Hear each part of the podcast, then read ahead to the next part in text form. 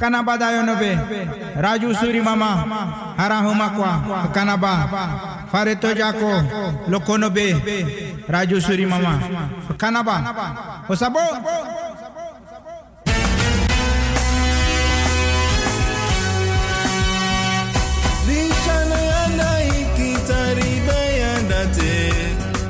Yanda maki haleke betwate wama.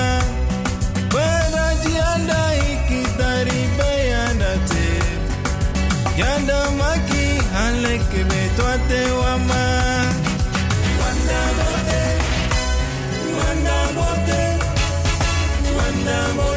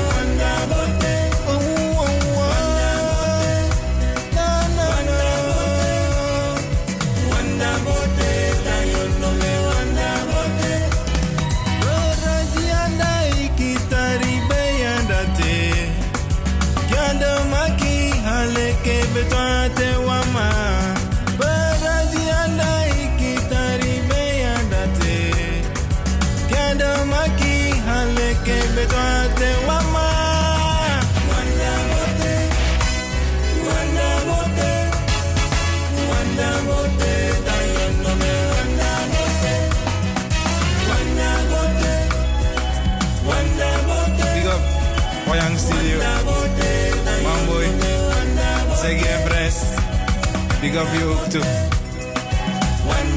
Wat kan er ba? Dayono be. Dorachi wabo.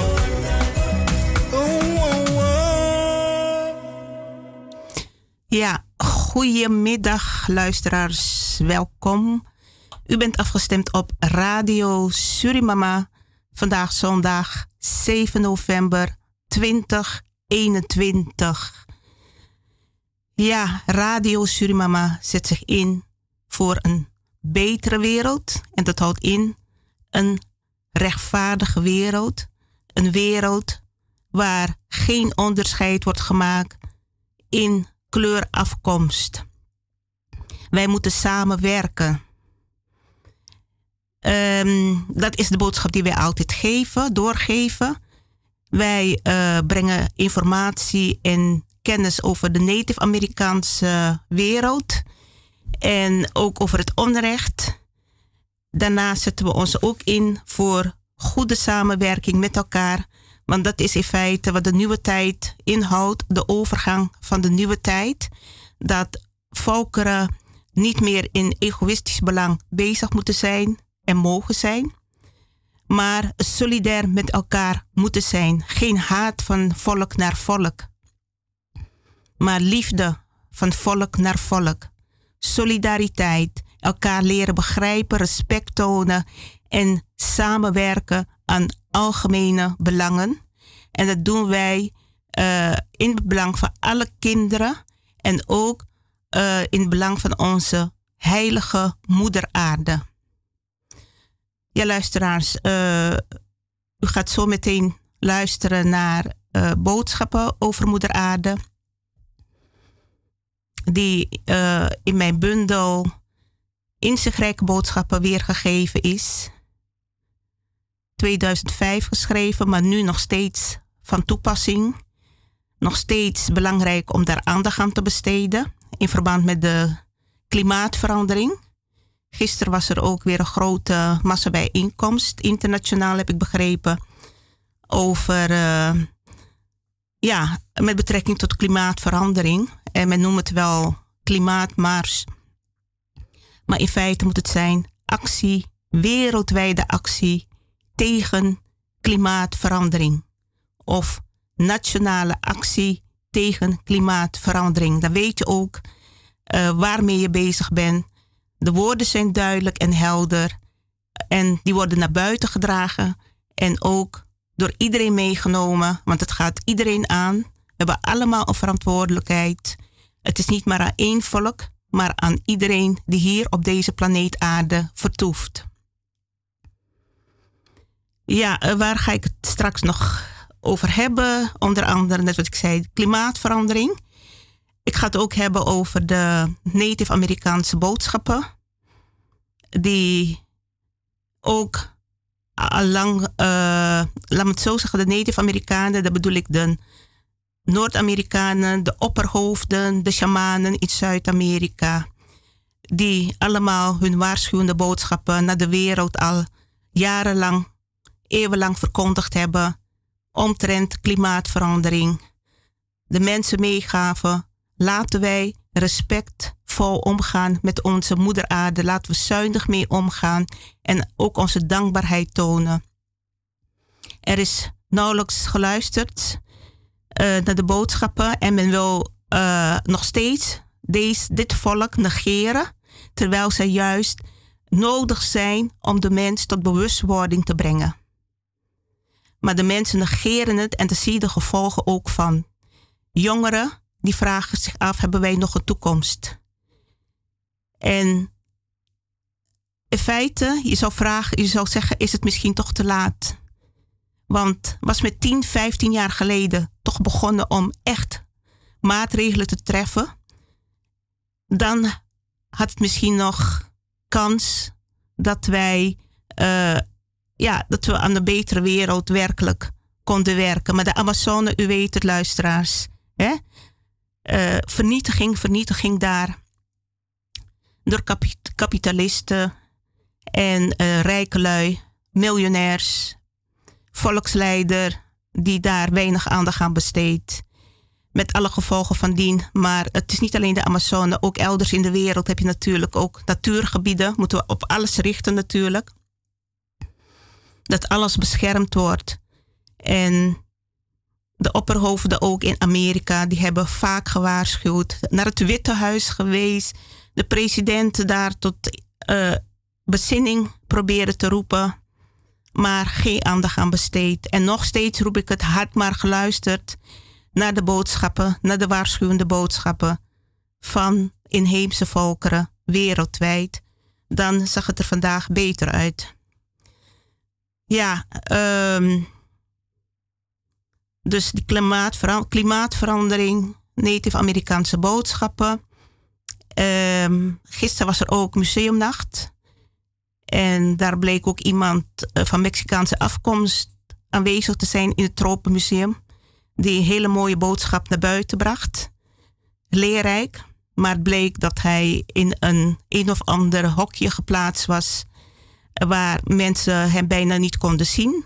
En dan denk je, waarom doet men dit weer? Maar goed, gelukkig kreeg ik dit bericht toegestuurd. Dus daar ga ik straks ook even over hebben. Verder ga ik het hebben over... Uh, er is meer tussen hemel en aarde. Daar moeten we van uitgaan. En de bewijzen zijn er ook. Sommige mensen zullen dat ook ervaren. En dan zeg ik ook van, het is niet alleen deze wereld die de mens kan regeren of uh, ja, controle kan uitvoeren. Er is gewoon meer tussen hemel en aarde. En dat wat er is, dat mystieke, dat kunnen die duistere machten, die kunnen dat niet onder controle krijgen, want het is iets ongrijpsbaar. Daar ga ik het tweede uur over hebben. En ook over het uh, Suriname Museum. Hoe ik daarop kom. Daar gaat u straks ook over horen. En verder afgewisseld met muziek. Uh, als er nog tijd is, zal ik lezen uit het boek uh, 2012 en daarna. De overgangstijd, nieuwe tijd.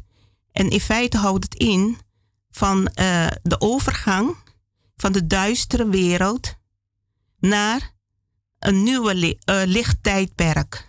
Een betere wereld. Van duisternis naar licht. Alles moet beter worden. En dat gaat gepaard met hervormingen. Met transformatie op diverse gebieden. Maar de mensen, de mens moet bereid zijn dat ook te willen. Maar de mens moet niet alleen aan zichzelf denken. Hij moet ook denken van, uh, aan de kinderen en de kleinkinderen, de volgende generaties. Want we zijn hier niet alleen voor onszelf. Dus dat is wat uh, men in gedachten moet houden. Wat ik, waar ik ook over wil hebben, is onder andere internationale uh, mensen met een native hart. Je hebt overal mensen wereldwijd die zich verbonden voelen met de native Amerikaanse levensfilosofie, spirit en cultuur. Dus daar wil ik het ook over hebben. Die mensen kom je regelmatig tegen. Of je leest er wat over. En dat zal ik ook straks laten horen. We gaan nu even naar gedicht luisteren en daarna muziek. Luisteraars, ik ben straks bij u terug. Mijn geliefde kinderen, ik wil graag een verhaal met jullie delen. Het is geschiedenis over liefde en kracht, verdriet en pijn, vertrouwen en waarheid. Een verhaal dat nog steeds geschreven wordt en zonder een einde. Want het einde zal tevens het begin zijn. Er was eens een tijd dat een deel van mijn oppervlak bewoond werd door mensen met een heel ander soort bestaan dan wat mijn menselijke kinderen tegenwoordig ervaren. Hun bestaan was harmonieus met een diepgaand contact met mij en de planten en dieren waar ze hun leven mee deelden. Het leven was gebaseerd op eer en traditie. Ze plaatsten zich niet boven anderen, maar geloofden dat alle levende dingen verbonden waren met elkaar. En dat is inderdaad zo. Jammer genoeg leefden er ook vele andere mensen op mijn oppervlak, die in diepe vergetelheid leefden. Ik kon niet met hen communiceren, want ze konden mij niet horen, zien of voelen. Ze begrepen mij niet en door hun gesloten harten gaven ze maar weinig om elkaar. Hun bestaan was gebaseerd op macht, hebzucht en uitbuiting. Ze hongerden naar rijkdom in de vorm van comfort en materialisme. Deze onuitblusbare honger was zo overheersend dat ze alles zouden doen om deze te stillen. Ook al betekende dat het doden en vernietigen van elkaar. Tijdens deze zoektocht naar macht hield het niet op bij zelfdestructie. Deze mensen in hun vergetelheid vernietigden ook veel van het dierenrijk. Ze slachten massas dieren zonder reden en zonder uitwisseling af. Er was een bloedvergieten over mijn heel oppervlak. Ze namen vrij wat niet voor hen bestemd was. Ze namen zoveel als ze konden dragen en kwamen terug voor meer en nog meer. Mijn frequenties bleven gevaarlijk dalen. Zij in vergetelheid vergiftigden mijn waterstromen en oceanen en brachten groot leed voor de, de wezens die er moesten leven. Zonder na te denken werden hele bossen van grote bossen omgekapt. Reuzen die mij al duizenden jaren lang geholpen hadden de lucht rondom mij schoon te houden en te voorzien van zuurstof. Mijn moeizame aanhaling werd niet gehoord. Een enkeling echter herinnerde zich en hield zich aan de oude weg en nam initiatieven om mij te beschermen. Deze geestelijke leiders waren degenen die met mij verbonden bleven.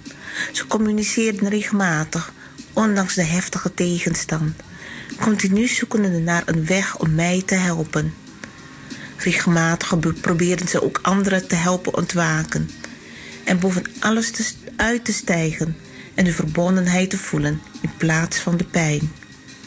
Maar er waren zo weinig van deze leiders en zoveel in vergetenheid. Het was een pijnlijke openbaring voor mij om te zien hoe mijn kinderen elkaar vernietigden en de natuur. Maar zoals je weet is pijn een goede leraar. Het deed mij inzien dat het tijd werd voor mij om te ontwaken en mijn krachten terug te nemen. Het werd tijd, ja, het werd tijd voor mijn genezingsproces.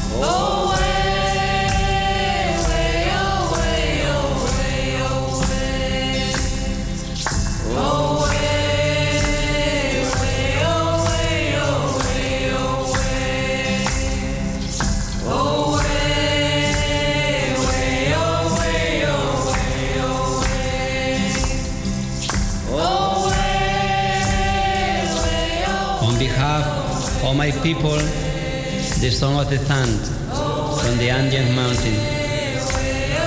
And in behalf of the people from the Amazon rainforest and from the plain,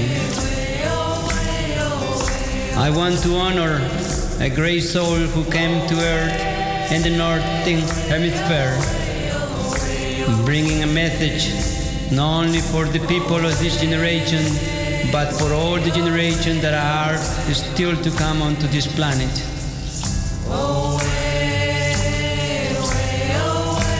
To honor this soul that brought a message for all the people from Mesoamerica, for the Incas, for the Mayas and Aztecas, and for the American Indians and all the nations of this planet.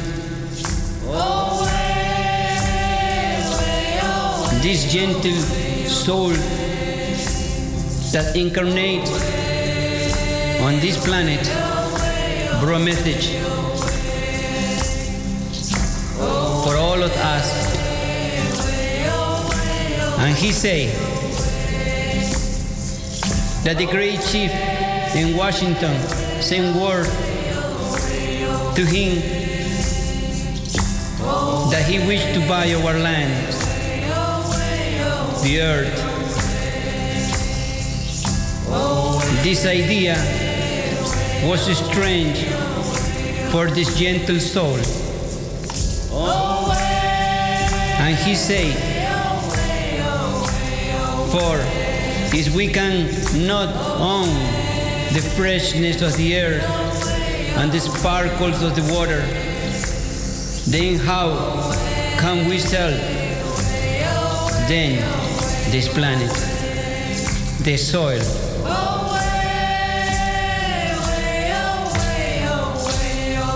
But we knew that if we did not sell the land, then the white men will come with guns and get it from us.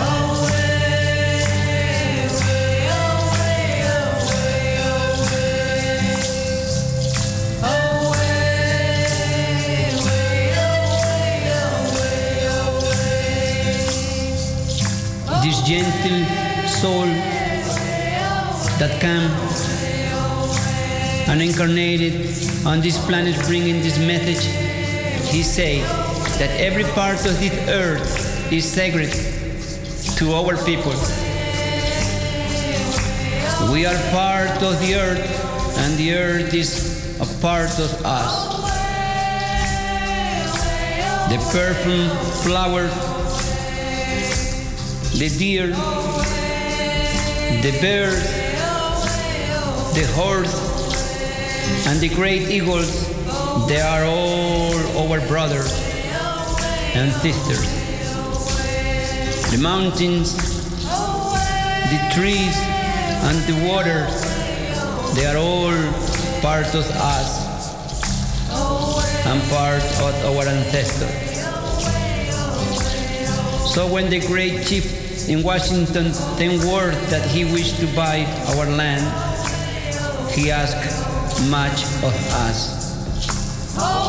We must teach our children that the ground beneath their feet is the ashes of their grandfather, so that they will respect the land as we respect the soul of our ancestors that come onto this planet.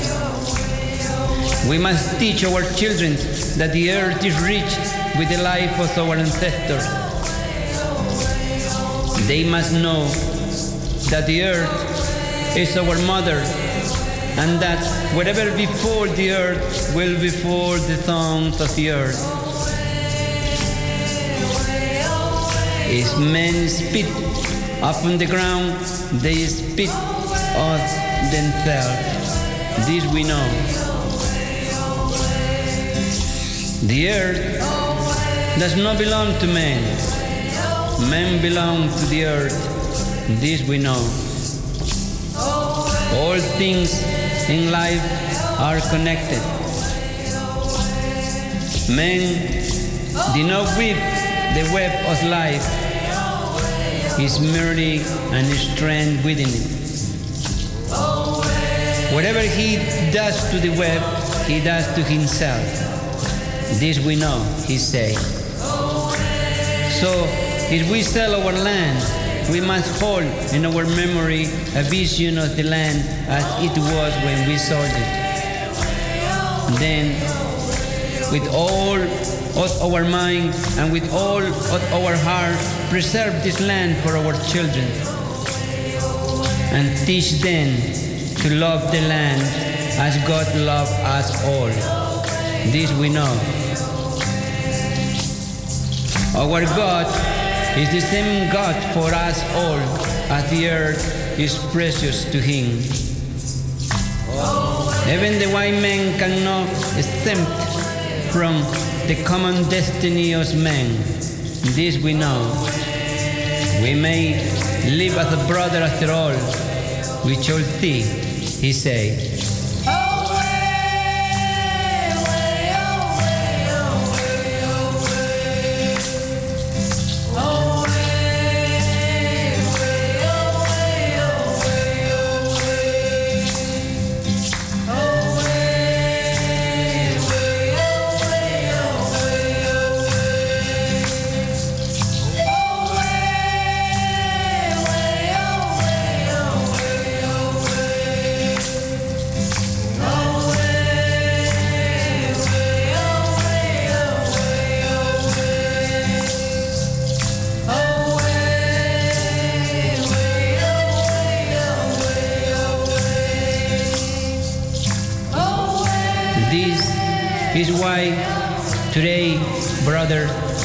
Sister,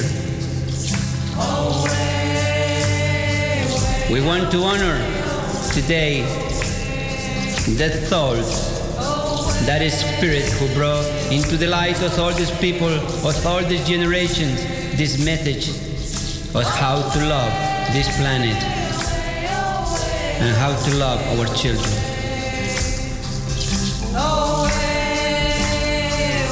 This is why I want to share with you the thought of this soul so we all can understand how to live, how to receive, and how to share what this planet gives to us. That is why we want to honor our ancestors and especially this elder who brought us this message. Thank you to his message. We now understand how important is to understand the planet where we live and how important is to love this planet where we all live and all our children live.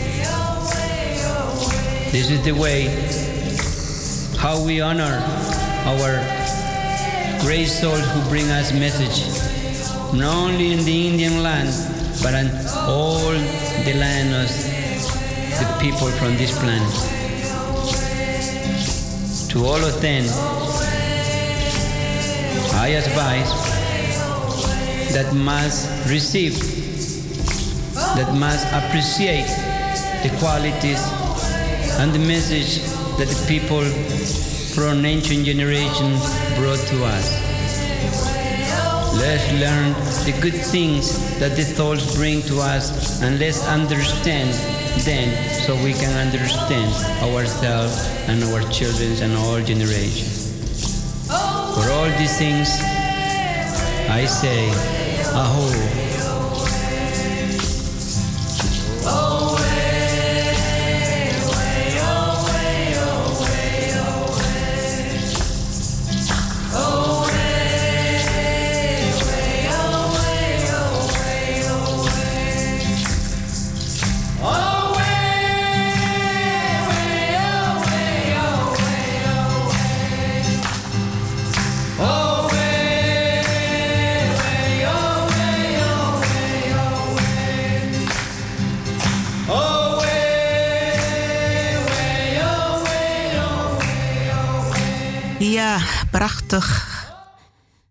Genezend.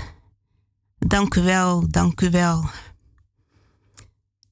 Hij leeft misschien niet meer, maar hij heeft een hele mooie boodschap voor de mensheid achtergelaten. In het belang. Ja, dat, eh, dat maakt niet uit of hij leeft. Geestelijk zijn ze altijd tussen ons nog aanwezig. En dat is een feit. Ze werken samen met hen, die hen om hulp vragen ook. Uh, ja, dus uh, net wat ik zei, het is een CD, Searching for the Trail. Er staan drie nummers op. En het is een inwijding van een belangrijke boodschap. Zo worden de boodschappen ingewijd met uh, welkomstlied van het volk.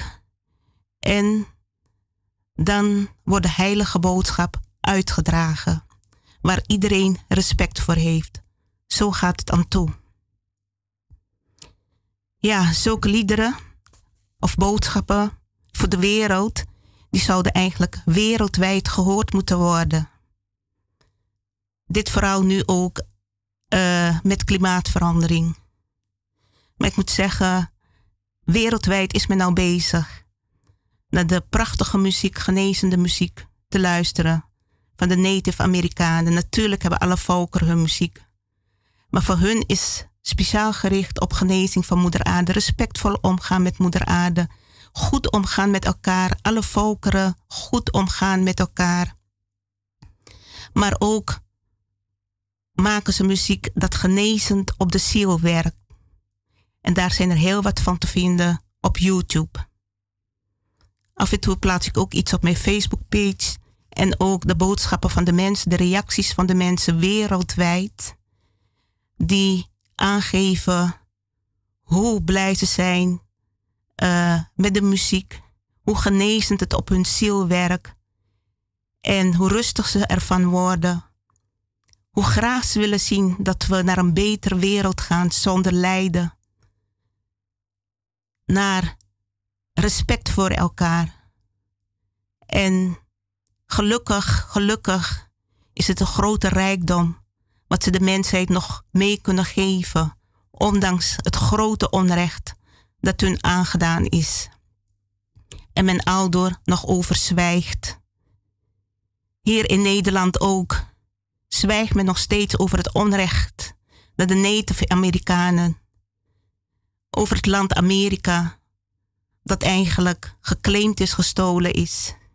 Maar daarnaast zijn er ook heel veel Nederlanders die het onrechtvaardig vinden. Heel veel andere bevolkingsgroepen die het niet goed vinden zoals het dan toegaat. Hetzelfde geldt voor Israël en Palestina. Gelukkig heb je mensen, ontmoet ik mensen die aangeven dat ze ja, Vanuit hun ziel voelen ze zich verbonden met de Native Amerikanen. Met hun filosofie, hun rijke filosofie. Hun spiritualiteit niet te vergeten. En dat doet in feite goed om dat te weten, want je kunt proberen de geest van mensen te beïnvloeden of te hersenspoelen. Maar het hart kun je niet temmen. Dus al probeert men dat te doen, vanuit de media of vanuit de politiek om dat daarover te zwijgen. Want waarschijnlijk is het een contract wat ooit getekend is tussen Amerika en Nederland en misschien Engeland. Die landen die, uh, die kolonist, kolonisten verleden hebben. Koloniaal verleden in die landen. En daarbij heeft men waarschijnlijk een contract getekend. Waardoor uh, men afgesproken is dat de media in die landen daar altijd over zal zwijgen. Hetzelfde geldt ook voor Spanje. Um, zoals ik zei, ja, soms ontmoet je mensen. En zo kwam ik een mevrouw jaren, jaren geleden ook tegen. We waren in Duitsland en die mevrouw kwam uit België. Het was een kunstenares. En op de een of andere manier, we logeerden in hetzelfde hotel. Op de een of andere manier raakten we in gesprek. En uh, over spiritualiteit. En toen kwamen we op de Native Amerikanen. Ze zegt ja, eigenlijk. Uh, ik heb het altijd al van kinds af aan, heb ik mij verbonden gevoeld met hun leefcultuur. En naarmate ik groter werd, groeide dat, ook als volwassene. Ik ben nu kunstenares en ik schilder heel veel uh, ja, Native Amerikanen, hun leefwijze, personen. En dat, dat geeft mij inspiratie, zegt ze. Uit België, mevrouw uit België. Uh, we hadden contact gehouden. Ik had haar toen een mail gestuurd toen we terug waren. En toen schreef zij terug. Ik beschouwde haar ook als een zielsverwant. Uh, alle lieve Joan, Joan, wat gaf je mij een warm innemend gevoel toen ik jou meelas. En juist op het moment weer klonk er native Amerikaanse muziek uit mijn PC. Computer. Net zoals nu trouwens. Terwijl ik anders een heel scala van uiteenlopende muziek op heb staan. Dus zeg, is dat toeval? Dat is geen toeval dat ik jou mail open en dan die muziek op heb. En uh, verder gaat het gaat verder door. Wat zeer bijzonder was bij onze ontmoeting, was dat we dezelfde spirituele taal spraken. Net of we zusjes waren uit dezelfde familie. En ik vergat je ook nog te zeggen dat ik de nacht ervoor over jou gedroomd heb en overal inheemse opperhoofden rondom jou zag. Ik beschouwde het als een heilige droom. En dan gaat ze verder, maar ze, ze sluit af met: Ik hoop dat we nog vele mooie positieve dingen kunnen uitwisselen. En wens je heel veel succes met je werk. En jouw beschermengelen. Maar ja, dit is een voorbeeld dat je zegt van zielsverwanten die je tegenkomt. En die iets met je delen. En je een boodschap mee mogen geven. Het contact is op een gegeven moment verwaterd. Maar dat, is, uh, dat hoort er uh, soms ook bij. Het is niet altijd voor langere tijd. Als je iemand tegenkomt die je een boodschap uh, mee wilt geven of meegeeft, of dat jij de persoon een boodschap meegeeft. Soms kan het even duren. Een dag, een paar uren, een week, een paar maanden. Of een paar jaar. Maar het, ja, dus er is in feite geen tijd aan verbonden. Het gaat eigenlijk inhoudelijk om de boodschap uh, die eigenlijk doorgegeven moet worden. En zulke ontmoetingen worden vaak van, of zeg maar, ik ga ervan uit, uh, vanuit het universum geleid. Dat mensen elkaar ontmoeten, boodschappen doorgeven waar ze wat aan hun, in hun leven of werk aan hebben. En uh, als het ware een soort bevestiging krijgen. En dat zijn de mooie dingen eigenlijk in het leven. Um, ik heb hier ook uh, had ik een artikel gevonden op internet. En ik denk dat het een Nederlandse meneer is die dat geschreven heeft. Hij schrijft als volgt.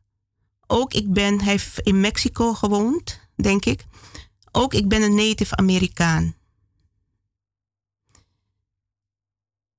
Hij vertelt, ik heb van Sergio geleerd trots te zijn op het feit dat ik een native Amerikaan ben. Ja, ik ben het niet van geboorte, maar wel vanuit mijn hart. Nu is het de tijd dat iedereen die zich geroepen voelt om terug te keren naar Moeder Aarde. Deze roep komt van diep, komt diep van binnen. Het is een hevig verlangen dat zich niet aan de kant laat zetten door schijnbaar onbelangrijke dingen. Het is de roep van de inheemse volkeren in elk van ons. Dit is de roep van de wortels van het leven, die voor elk van ons gelijk zijn.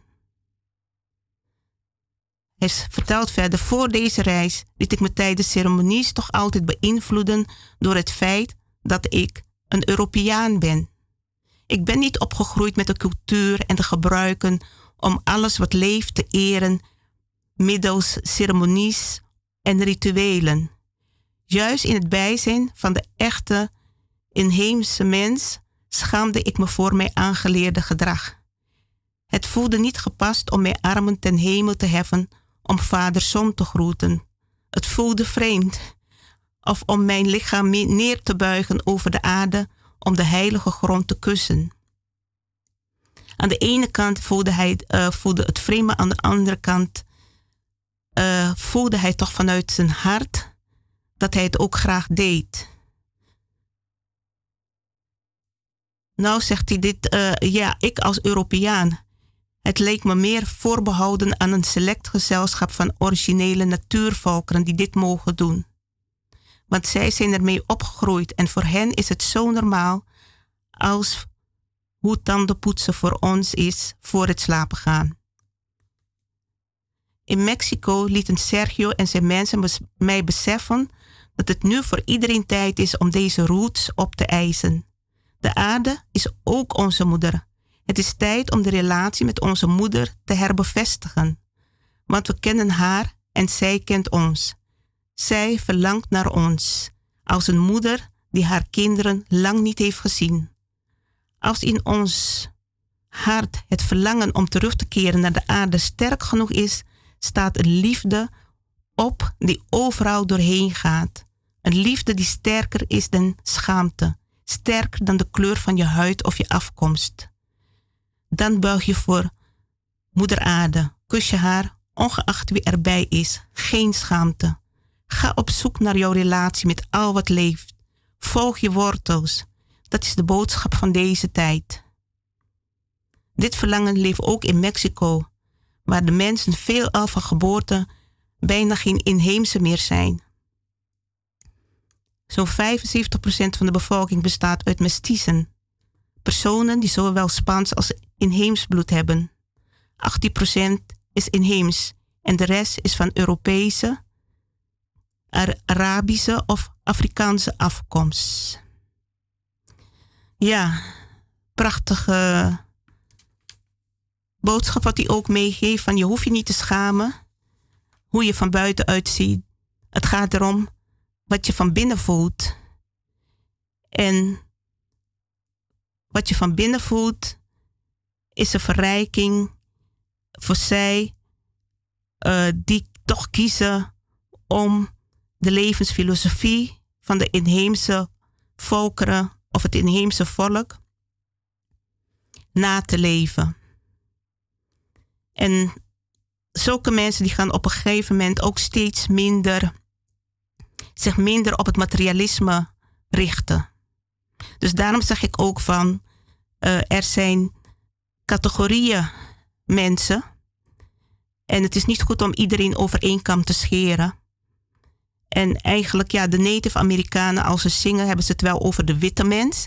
En dat is, uh, ja, die zijn toen wel bezig geweest om hun land te vernietigen en hun te onderdrukken en noem maar op.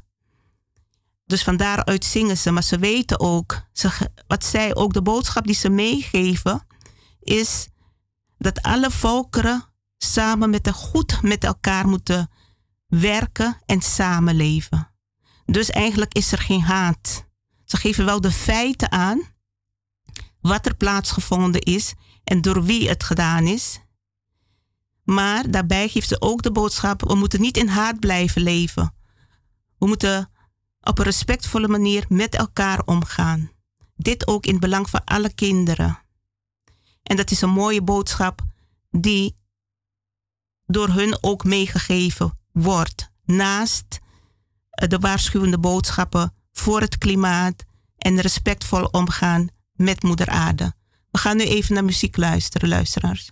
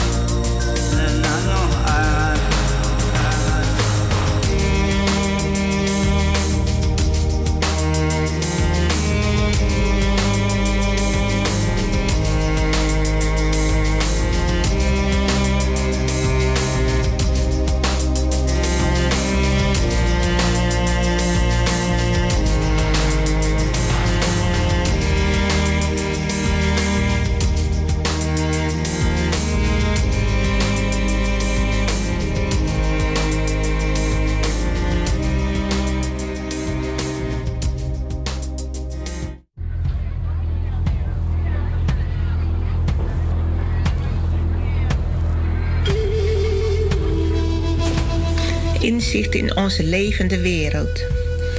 Wat is een wereld waard als geld boven alles staat? Wat is een wereld waard als er geen respect voor Moeder Aarde wordt getoond? Wat is een wereld waard als leiders maar blijven denken in eigen belang? Wat is een wereld waard als alleen het draaien van een goede economie centraal staat? Wat is een wereld waard als het alleen maar om presteren gaat? Wat is een wereld waard als in landen de autochtone bewoners voor een overheid niet meer bestaat? Wat is een wereld waard als men het met oorlog voeren door blijft gaan? Wat is een wereld waard als in vele landen het leven grotendeels door egoïstische machten wordt bepaald?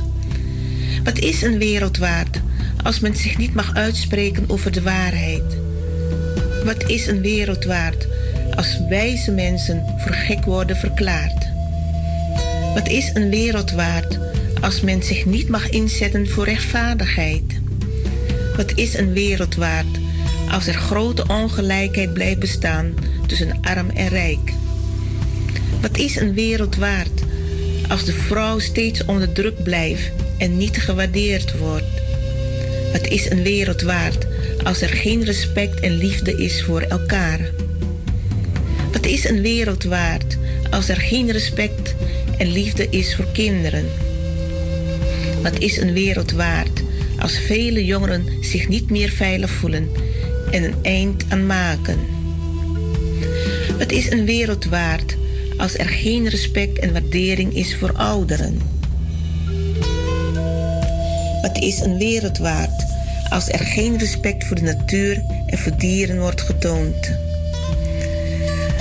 Wat is een wereld waard als men niet luistert naar elkaar? Wat is een wereld waard? Ja, wat is een wereld waard? Wat is een wereld dan waard?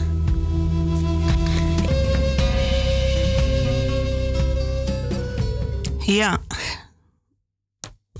een jaar geschreven of twee jaar geleden geschreven. Dus ik moest ook even weer opnieuw goed luisteren. Ja, wat is een wereld waard, hè? Inderdaad, als geen waarde wordt gehecht aan de belangrijke um, principes in het leven. Als kinderen worden verwaarloosd, als dieren worden mishandeld, als natuur wordt vernietigd, als mensen niet luisteren naar elkaar. Wat is dan een wereld waard, ja? Ik heb hier ook nog een artikel gevonden. Het kwam plotseling tevoorschijn. En ja, ik heb ook voor kranten geschreven vroeger. Uh, zoals ook voor websites. Dit gaat over de tijd van transformatie. En ik heb het al eens eerder gehad over de regenbooglichtwerkers. De regenbooglichtwerkers, ja. De regenboog, ik zeg eigenlijk is het geen regenboog. Zoals men dat uitbeeldt. Het is een kleurenregenboog. En uh, dus dat wil ik ook even duidelijk maken. De kleurenregenboog lichtwerkers. Brengers van hervormingen voor de nieuwe tijd. Ik moet even bijzeggen dat men de regenboog nu associeert, de kleurenregenboog, met een andere groep.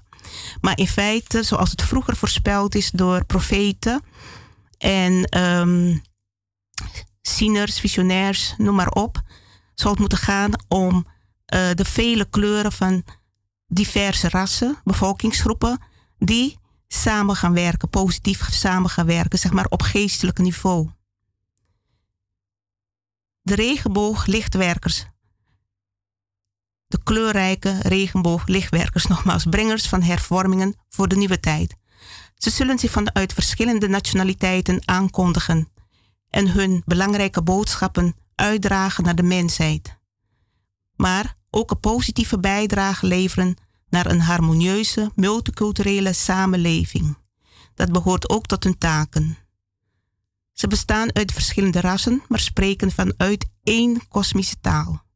Hun denken en handelen is gebaseerd op het creëren van een nieuwe, harmonische samenleving of wereld. Ze zijn er met name om de mensheid te helpen in deze chaotische turbulente tijd. Ze zullen rust en licht onder de mensen brengen, maar vooral ook liefde. Ze vormen met elkaar een grote lichtenergie, bundel lichtenergie.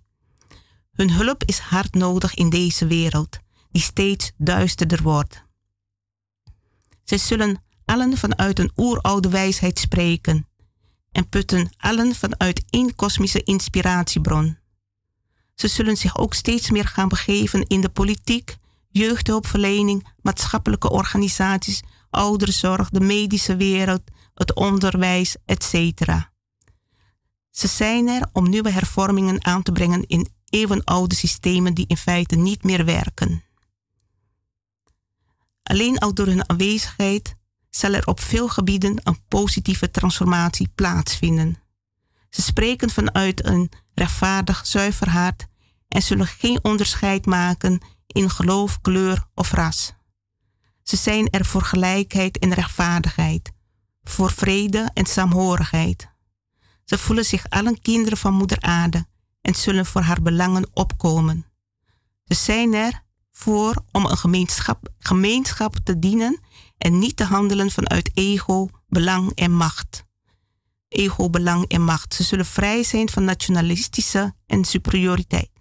Ze beschikken ook over de informatie en kennis hoe onze nieuwe tijdskinderen op de juiste manier te begeleiden en ze te helpen ontwikkelen tot spirituele, intellectuele leiders die ze zouden moeten worden. Het zijn hoogontwikkelde zielen, de lichtbrengers, die het over moeten gaan nemen, die het over moeten gaan nemen van de slapende zielen, die niet in staat zijn los te laten. Nieuwe wegen op verschillende posities worden voor hen vrijgemaakt, waarbij ze kunnen gaan doorstromen en hun positieve energie kunnen gaan inzetten. Dat is van groot belang. Ze beschikken over een groot inlevingsvermogen naar alles wat leeft en staan open voor de vele zoekende zielen die hen om hulp zullen vragen. De jongeren zullen op hun manier ook belangrijke boodschappen naar buiten dragen. En vanuit de kleuren, kleurrijke regenboog. Velen zullen door hen geraakt worden en hierdoor bewust worden, tot bewustwording worden gebracht. Een belangrijke spirituele boodschap voor op weg naar een nieuwe toekomst. Ja, al eigenlijk jaren geleden doorgegeven en je vraagt je af waardoor er in feite ja, op bepaalde gebieden verandert wel het een en ander hoor. Maar nog, uh, er is nog te veel vertraging, zeg maar. Omdat mensen blijven vastzitten in hun oude systemen. Ze willen niet loslaten. Uh, dit doen ze voor uh, eigen belang, eigen groepsbelang. En uh, volkeren die superieur willen blijven boven andere volkeren. Of andere volkeren wil, weer willen overtreffen. Waardoor er steeds ongelijkheid blijft, verdeeldheid en machtsbelang blijft spelen er zijn genoeg voorbeelden van hier in Nederland, hoe dat zich afspeelt. En daarom werk ik ook aan uh, nieuwe inzichten, nieuwe hervormingen, bewustwording van mensen. Wij leven niet in een zwart-witte Nederland. Wij leven in een kleurrijk Nederland, waar mensen van diverse nationaliteiten wonen. Mensen met diverse huidskleuren. Laat u niet in een hokje van zwart plaatsen en niet in een hokje van wit. De witte mens bestaat trouwens überhaupt niet. Men zou dat even aan de kinderen moeten vragen welke kleur ze in feite hebben. Nederlandse kinderen, die zullen de waarheid aangeven. Dus uh, ja, dat is ook een bijdrage die wij vanuit Radio Surimama leveren, luisteraars. En daar bent u mee bekend. Het is een samenwerking. De waarheid moet wel verteld worden. De waarheid moet verteld worden uh, omdat het tot zuivering moet leiden uh, tot gerechtigheid en van daaruit tot een goede samenwerking. Goed, we zijn aan het eind van deze dit eerste uur gekomen. Ik zou zeggen, bent u geïnteresseerd luisteraars, blijf u luisteren. Ondersteunt u Radio Surimama ook. En uh, dan is het win-win. U gaat zo naar het nieuws luisteren en tot straks het tweede uur.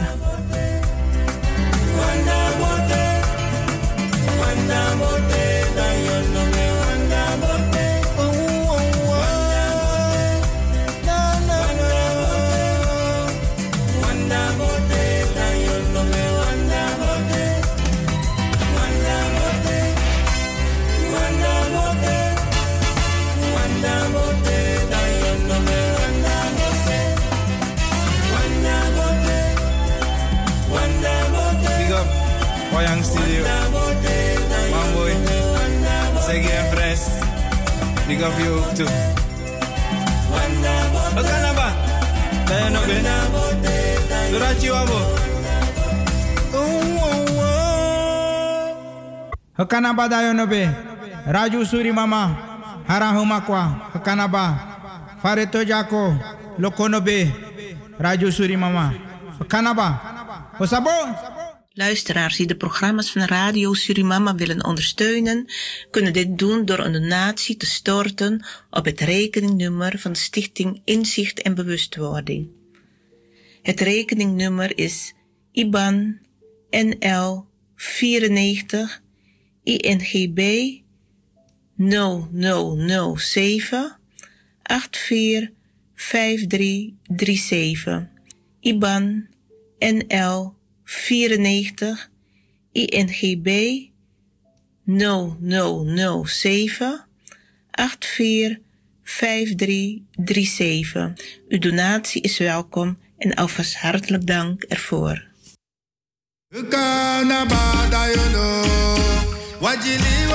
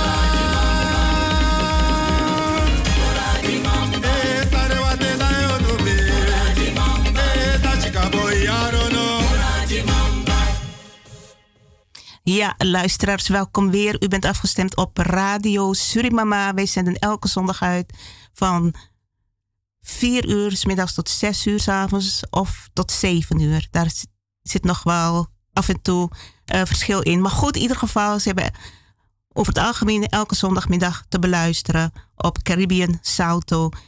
Radio Surimama, inheemse zender die zich richt op de rechten van de inheemsen, Noord-Zuid-Amerika, Midden-Amerika, Canada, maar ook op de multiculturele samenleving hier in Nederland. Problemen, of tenminste, laat zo zeggen, onderwerpen ook aan kaarten. Die zich ook hier in het land afspelen. Het is jammer dat er in feite nergens in Nederland nog echt een radiozender is die zich in feite op alle culturen, alle rassen, alle bevolkingsgroepen richt, richten. Wij willen daar daarom of wij leveren daar al een bijdrage aan. Dus iedereen uh, wordt gerespecteerd, wordt erkend en uh, mag ook luisteren en zijn mening geven. We zijn niet in een hokje te plaatsen. We willen ook niet in een hokje geplaatst worden. Want vanuit hokjes leven, eilandjes, daar bereiken we niks mee in feite, niet veel. Dus bij deze, u heeft net geluisterd naar een mooi nummer van um, inheemse Surinamers.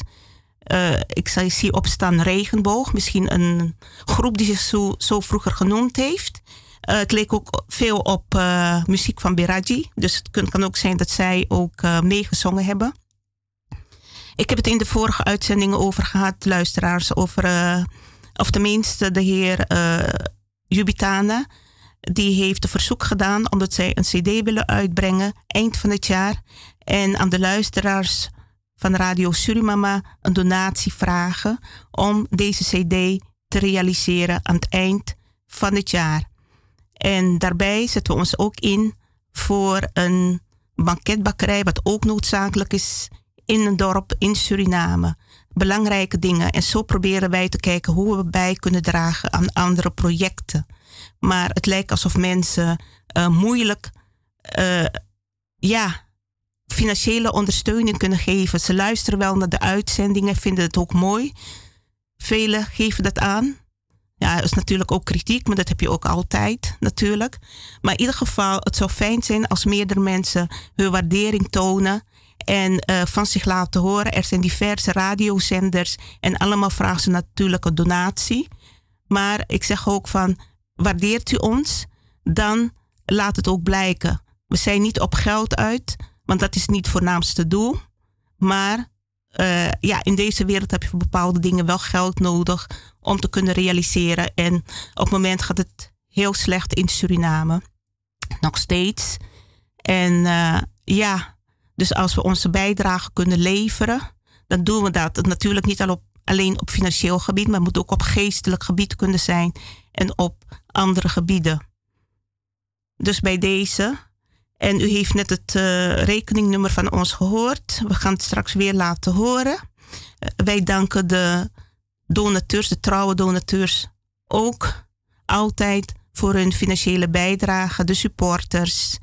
En uh, ja, wij waarderen het ten zeerste. Ik zal ook even het telefoonnummer opnoemen als mensen willen bellen en willen reageren kan ook zijn dat mensen zeggen van ja goed, uh, we vinden het gewoon interessant en we blijven luisteren. We hebben geen vragen. En uh, als het echt uh, dringende vraag of zeg maar dat u iets wil aanvullen, opmerking heeft, dan kunt u bellen naar telefoonnummer 020 788 4305.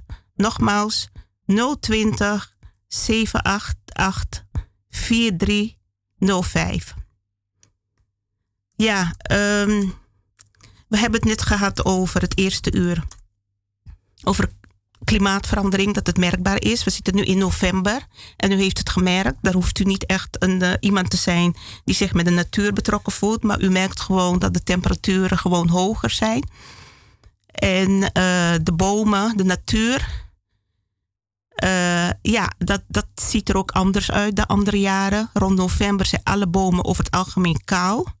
En nu ziet u, luisteraars, dat dat niet het geval is en dat er gewoon ook uh, bloemen blijven bloeien en uh, de vele bomen nog ook hun bladeren behouden. dit heeft te maken ook met klimaatverandering. Het kan zijn dat we naar een subtropisch klimaat gaan. Uh, sommige mensen zullen dat wel leuk vinden, andere mensen misschien weer niet. Maar ja, de tijd zal het uitwijzen verder. Ik heb het ook gehad over uh, de Native-Amerikaanse boodschappen, die in feite jarenlang genegeerd zijn. De mensen hebben zo hun best gedaan. Inheemse stammen hebben zich in verbinding met elkaar gesteld, herenigd, zijn naar bijeenkomsten geweest drie, vier dagen om ja, hun bezorgdheid uit te spreken. En van daaruit zijn er ook heel veel boeken geschreven door heel veel Europeanen. De boodschappen die uh, door de Native Amerikanen, de shamanen, doorgegeven is vanuit Peru, vanuit Ecuador, Mexico, Amerika, Brazilië, noem maar op. Dus heel veel Europeanen hebben hierover geschreven. Maar in feite, ze hadden in feite meer op de televisie hierover moeten praten.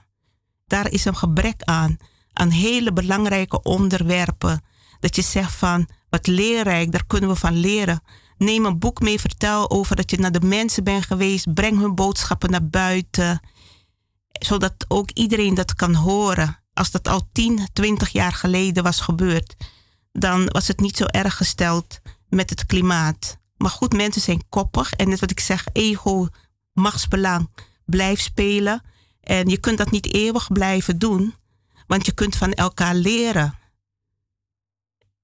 Volkeren kunnen van elkaar leren. Je moet niemand buitensluiten. En uh, dat is wat eigenlijk geweest. En het gebeurt nog steeds. Net wat ik zei van uh, gisteren had je museumnacht. En uh, in het Tropenmuseum was dan een Mexicaanse verhalenverteller. Ik heb een bericht doorgekregen van wat jammer nou, dat hij bijna niet te zien was voor bezoekers. Terwijl hij zulke mooie boodschappen uh, meegaf. En uh, in feite, ja, hij kon misschien niet goed Nederlands, maar hadden, ze hadden wel een tolk erbij kunnen nemen. Zodat het makkelijker zijn mooie boodschappen, leerrijke boodschappen, makkelijker voor iedereen te horen was en gedeeld kon worden. Maar dat, is dan weer dat je denkt van 2021 mensen gaan wij zo met elkaar om. En het is niet de eerste keer hoor, het gebeurt nogal veel. Ik ga straks nog het een en ander vertellen. En ik vraag me af, wie zijn die mensen die zich hier schuldig aan maken? Die de inheemse willen onderdrukken, ongeacht van waar ze komen, Zuid-Amerika dat men de neiging heeft om ze te blijven onderdrukken of onzichtbaar te houden.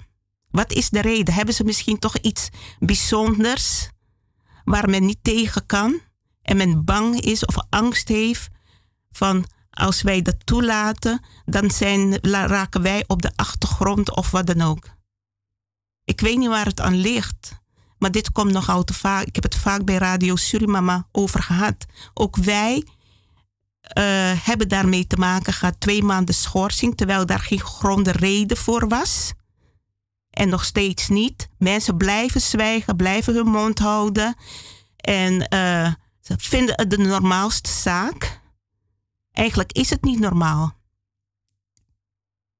Dus dat is het ook wat uh, die vooruitgang in de wereld tegenhoudt. Mensen blijven zwijgen, mensen blijven oneerlijk, mensen blijven ja, eigenlijk die, die smerige streken uithalen, als het ware, ander onderdrukken, wegzetten, maar wel profiteren van die ander.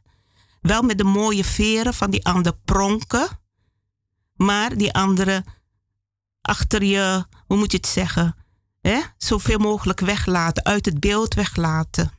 En dan zeg ik ook van uh, mensen kom op voor een kleurrijke samenleving. Het gaat niet om de transgenders of LGHBT-wereld speciaal, die men op de voorgrond plaatst. Nee, het gaat om goede samenwerking tussen alle bevolkingsgroepen hier in Nederland. Mensen werken te veel op, in hokjes, op eilandjes en ze vinden dat wel goed.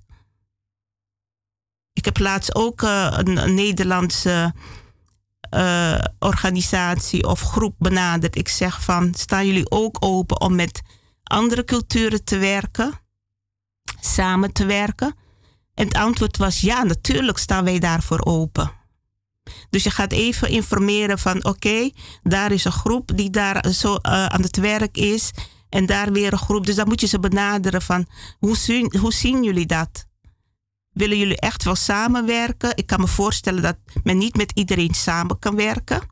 Maar je moet je wel openstellen, want je kunt kennis delen met elkaar. Ook nu met die ongevaccineerde mensen, die worden in een hokje gestopt. Alsof ze slecht zijn, alsof ze niet deugen. Rare benamingen worden voor bedacht. Totdat men erachter komt dat gevaccineerde mensen ook weer besmet kunnen raken. En je dus niet oordelen kunt over mensen die zich niet laten vaccineren. Dus de, de overheid heeft daar een taak in. Ik heb daar ook wat op Facebook over geplaatst. Ga respectvol met elkaar om, gevaccineerd of niet gevaccineerd. Uh, probeer je in de ander in te leven. Degene die ervoor kiest om wel gevaccineerd te worden en de ander die er niet voor kiest vanwege bepaalde redenen. Het hoeft geen probleem te zijn. Maar wat men probeert is een soort strijd weer tussen mensen te creëren van gevaccineerden en niet gevaccineerden. En dat is niet goed, want dat, uh, dat brengt het land niet vooruit. Ja, maar goed, in ieder geval, ik ga even voorlezen van die meneer, die Mexicaan. Die was gisteren in het Tropenmuseum. En uh, dit is dan de beschrijving, het verhaal van Hikuri. In Mexico gaan de Wix-Aritari jaarlijks op bedevaart naar de woestijn van San Luis. Het doel van hun zoektocht is de speciale cactus Hikuri, die ook wel onder de naam Piote bekend staat. Ze gebruiken die voor hun spirituele genezing. Hij, uh, die meneer zou gisteravond daar vertellen, uh, het verhaal vertellen, het hart van een magische cactus. Daar, dat is dus de titel. En ik ga zo ook even opzoeken wat hij dan medegedeeld heeft aan de bezoekers die daar aanwezig waren, die naar hem gingen luisteren. En het is een heel mooi verhaal, uh, boodschap wat hij meegaf. En uh, ik ben blij dat, het, uh, dat ik dit ook doorgekregen heb en dat ook mag doorgeven via de radio. Hij vertelde een verhaal over een hert die ze wilde begraven en toen petroleum onder de grond gevonden, uh, vonden eigenlijk. Dus een hert wilde ze begraven in Mexico en toen vond men petroleum onder de grond. Hij zegt dat is gif waar ze batterijen meemaken. Hij zei dat materialisme de dood wordt voor de mens. En dat we maar een wereld hebben, maar één wereld hebben. Maar mensen willen niet luisteren. En ook over mentale gezondheid heeft hij verteld dat corona ervoor heeft gezorgd dat het achteruit gaat met de mens. Dat mensen meer zouden moeten knuffelen, want dat is belangrijk. Dat maakt een stof in je hoofd vrij waardoor je je gelukkig voelt. En dat mensen echt de tijd moeten nemen hoe het met iemand gaat en die ook in de ogen moeten aankijken, echt geïnteresseerd moeten kijken en vragen. En aan iedereen die daar stond, vroeg hij ook persoonlijk: hoe gaat het met je? En dit is heel bijzonder, want dat gebeurt niet altijd of niet vaak dat mensen je echt vragen hoe gaat het en echt geïnteresseerd zijn. Want heel vaak vraagt men wel van hoe gaat het? Ja, en dan zegt men goed en dan is het afgelopen. Maar als je het echt vanuit interesse doet, dan kun je ook echt horen hoe het met iemand gaat. En uh, dus dit wil ik meegeven. Waarom hebben ze deze Mexicaanse meneer uh, eigenlijk als het ware weggezet zodat hij uh, zo min mogelijk gezien en gehoord kon worden. Mensen, mensen. Ik weet niet wie de organisatie is van het Tropenmuseum. Hou rekening met je medemens. Ga goed om met je medemens. Was je bang? Waren jullie bang dat hij misschien te veel aandacht zou krijgen? omdat hij een Mexicaan is en misschien mensen toch boeit. Dus deze dingen gebeuren nog 2021 en dit in het Tropenmuseum. Maar goed, u heeft het gehoord, luisteraars. En ik heb het al eerder gezegd, dat komt vaker voor. En dat was ook het geval in het uh, Surinaamse tentoonstelling. In de Surinaamse tentoonstelling in de Nieuwe Kerk. De inheemse van Suriname, die werden gewoon als het ware zoveel mogelijk onzichtbaar gehouden op posters, weggezet. En um, ik heb niet eens, ik heb ook mijn bijdrage geleverd, maar ik heb niet eens een uitnodiging gekregen voor de afsluiting. Ik heb actie gevoerd ook om aan te geven dat, uh, ja, waar is de inheemse bewoner in de organisatie zichtbaar? Die was daar niet aanwezig.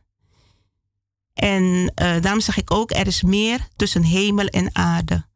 Want soms worden mensen naar je geleid, of soms word jij naar mensen geleid om ergens mee te helpen. En zo werd die dag, de opening, ik heb het dan over de opening waar ik wel uitgenodigd was.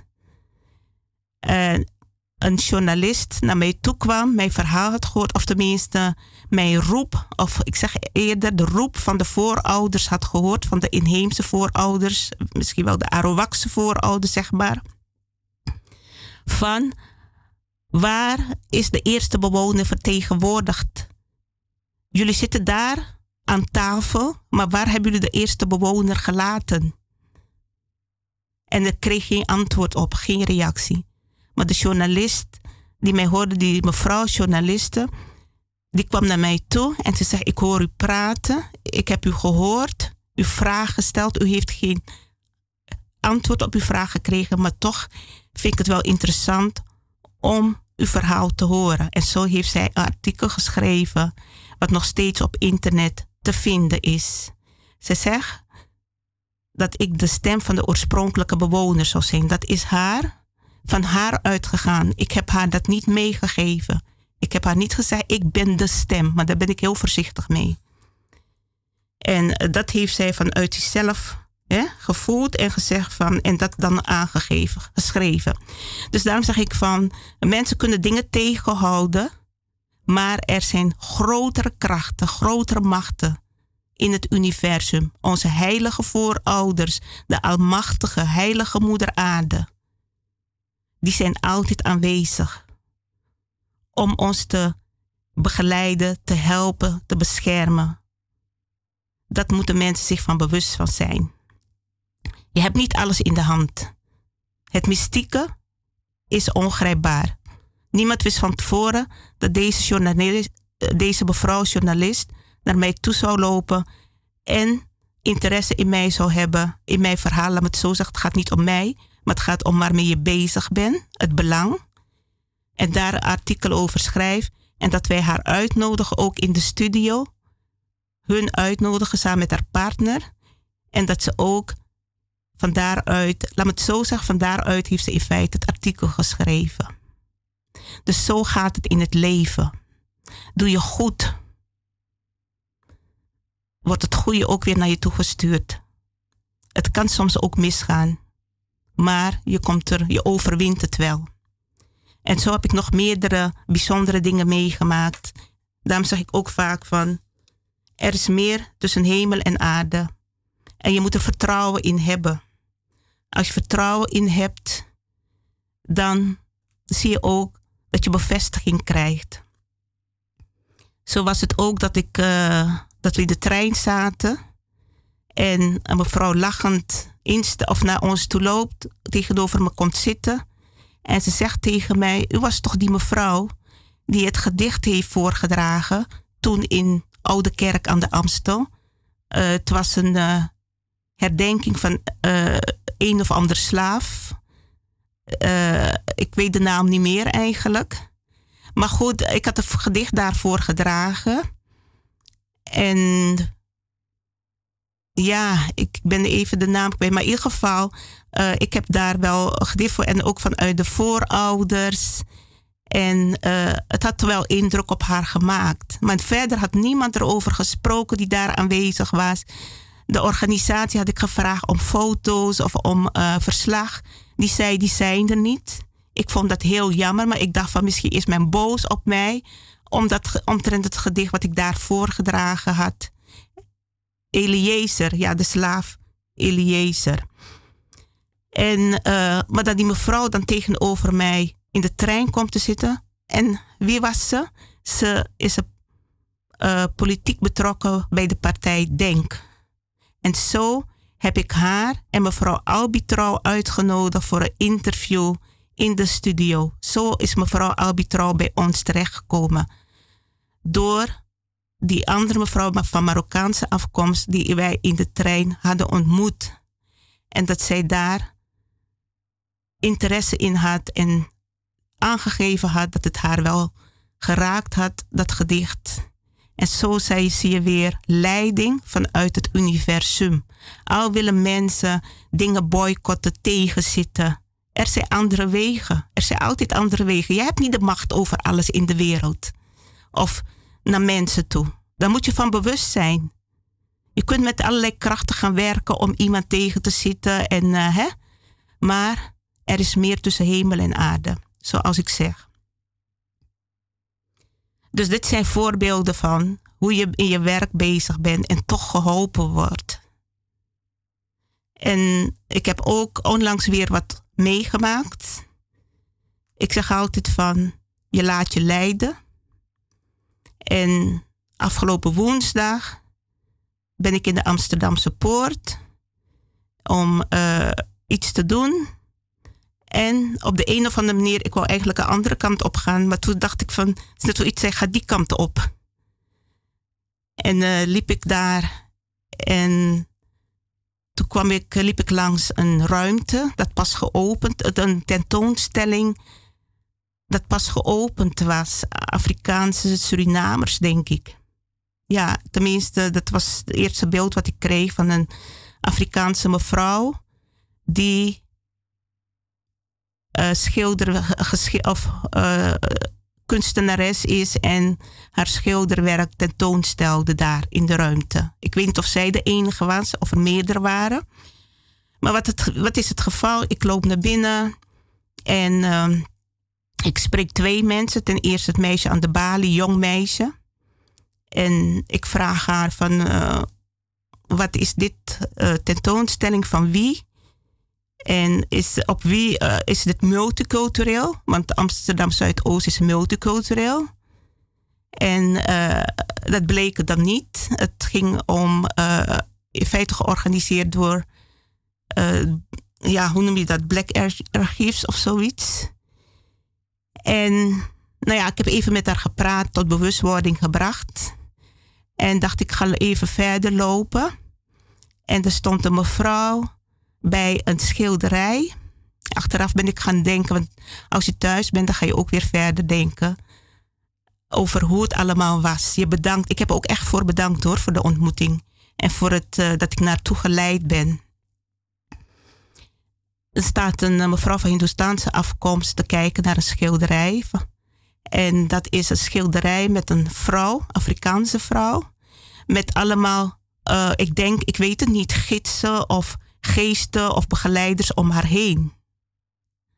En uh, ik vond dat heel frappant, want ik dacht eigenlijk ja, heel apart, want e-, eigenlijk word ik ook geleid door de gidsen nu. En dat je dan bij zo'n schilderij terechtkomt en een mevrouw naar staat te kijken. Ik vroeg haar nog van uh, die mevrouw van Hindoestaanse afkomst die dan stond te kijken.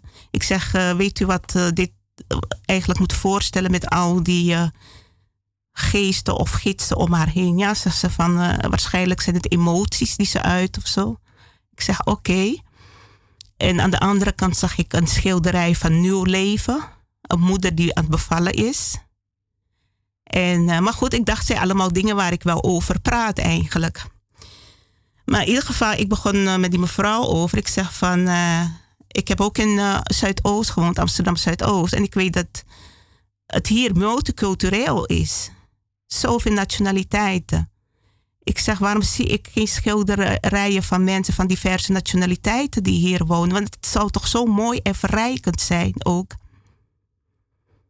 En uh, ik zeg, ik ervaar het ook. Als, ik heb een radioprogramma. En komt voor het belang van de inheemse op. Maar ik word als het ware uh, genegeerd of tegengewerkt. Of ja, zegt ze van, ik vind dat wel heel erg om dit te horen. Het raakt me wel, zegt ze, want waarom worden de inheemse steeds genegeerd? Worden ze niet meegenomen? Ik zeg ja, ik weet het nog, nog steeds niet. Waarom? Want ze zeggen het zou zo mooi zijn. Wij komen allemaal uit Suriname. En de inheemse zijn toch sowieso de eerste bewoners. Wat is er met de mensen aan de hand? Dat, dat ze dit niet willen erkennen. Ze zegt dat zou toch het beeld moeten uitdragen naar Nederlandse samenleving. Dat ze precies weten hoe het zit met de geschiedenis van Suriname. Ik zeg ja, maar het gebeurt hoor. Ik zeg ik ben zelfs twee maanden geschorst omdat men mij vals beschuldigd heeft ergens van. En voor de rest is het gewoon zwijgen. Niemand mag verder praten. Er wordt ook niet meer over gepraat. Ik zeg dat is toch geen normale zaak. Goed, zegt ze ja. Gaat ze verder en zegt ze van, uh, ik, ik zeg het via de radio. En misschien krijgt ze het te horen. Ik wil haar meegeven. Ik vond het een heel mooi gesprek tussen ons. En ik zei haar ook, ik vind dit echt bijzonder. Het lijkt als, ik ben eigenlijk hier naartoe geleid. Dat ik, want ik wist niet eens dat er een tentoonstelling was. Ik zeg wij van Radio Surimama, wij krijgen nooit uitnodigingen vanuit de Surinaamse gemeenschap. Er gebeurt van alles. Of ze gebruiken de naam van mijn stichting, of ze gebruiken onze ideeën, onze inzichten. En ze uh, schakelen andere inheemse in om bepaalde opdrachten uit te voeren. Maar ons negeren ze. En uh, dus dan kon ze, nee, zegt ze, dit raakt me wel. Wat ik hoor. Ze zegt, nou, we zijn nu bezig met een museum over Suriname Museum.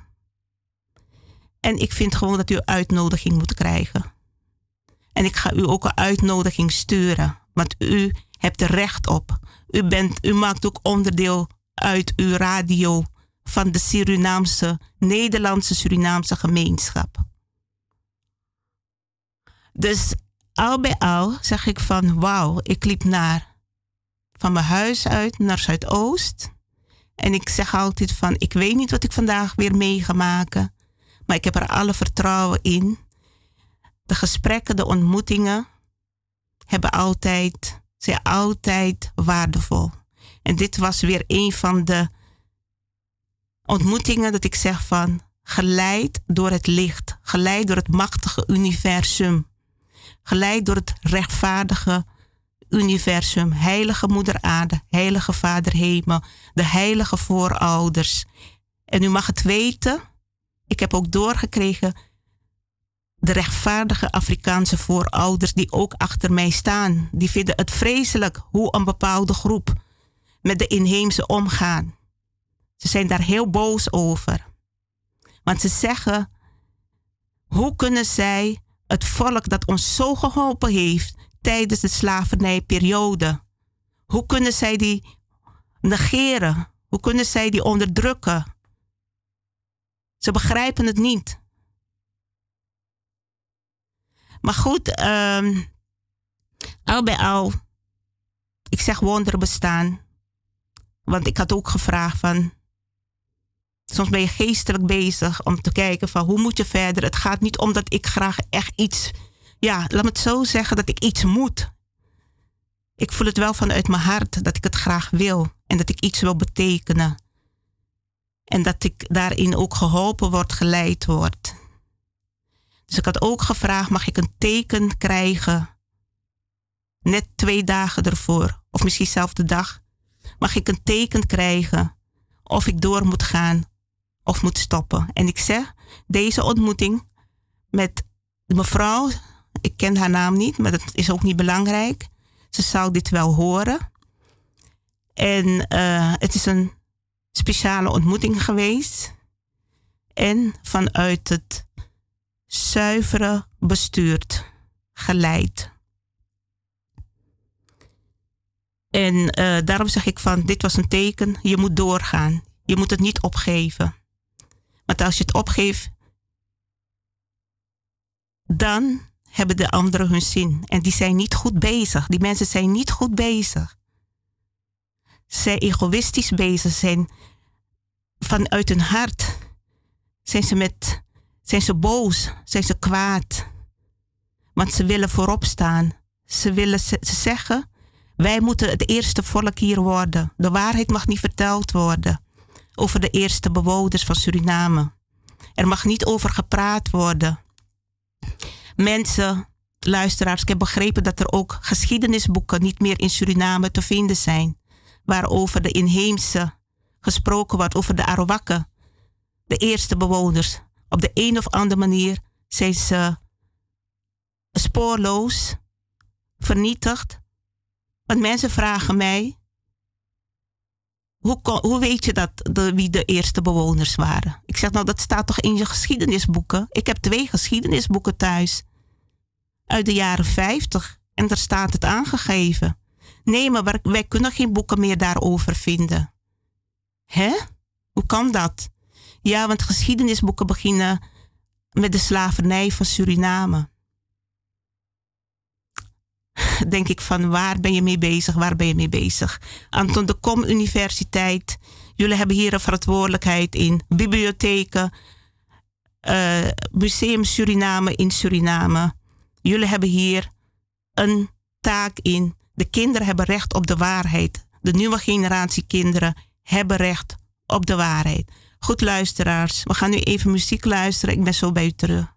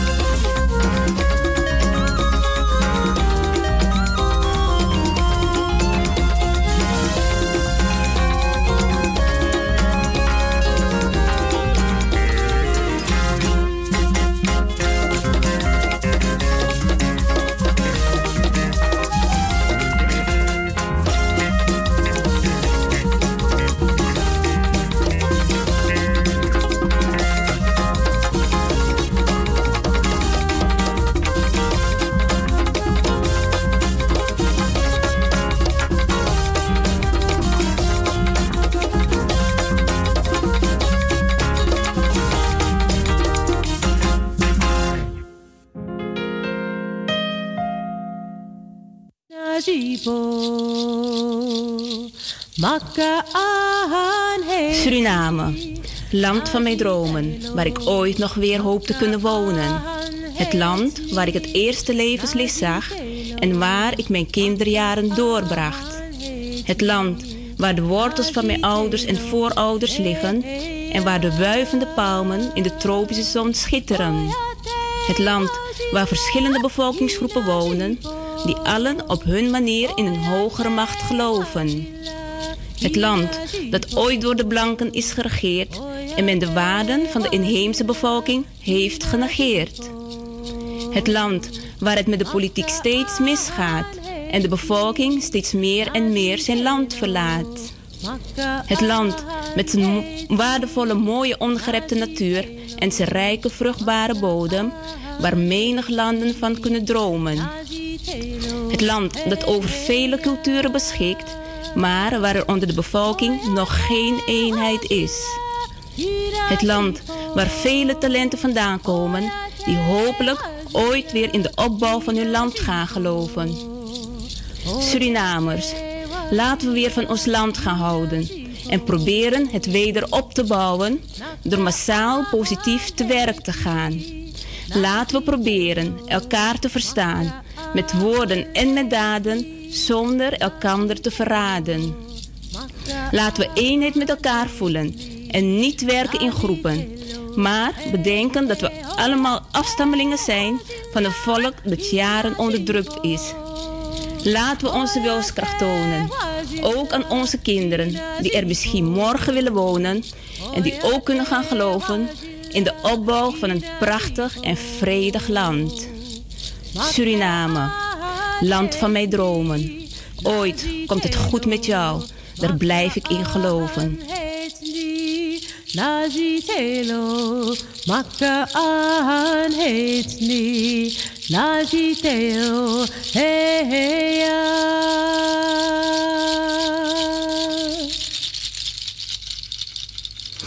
Ja, een boodschap van dag 1998 uit 1998.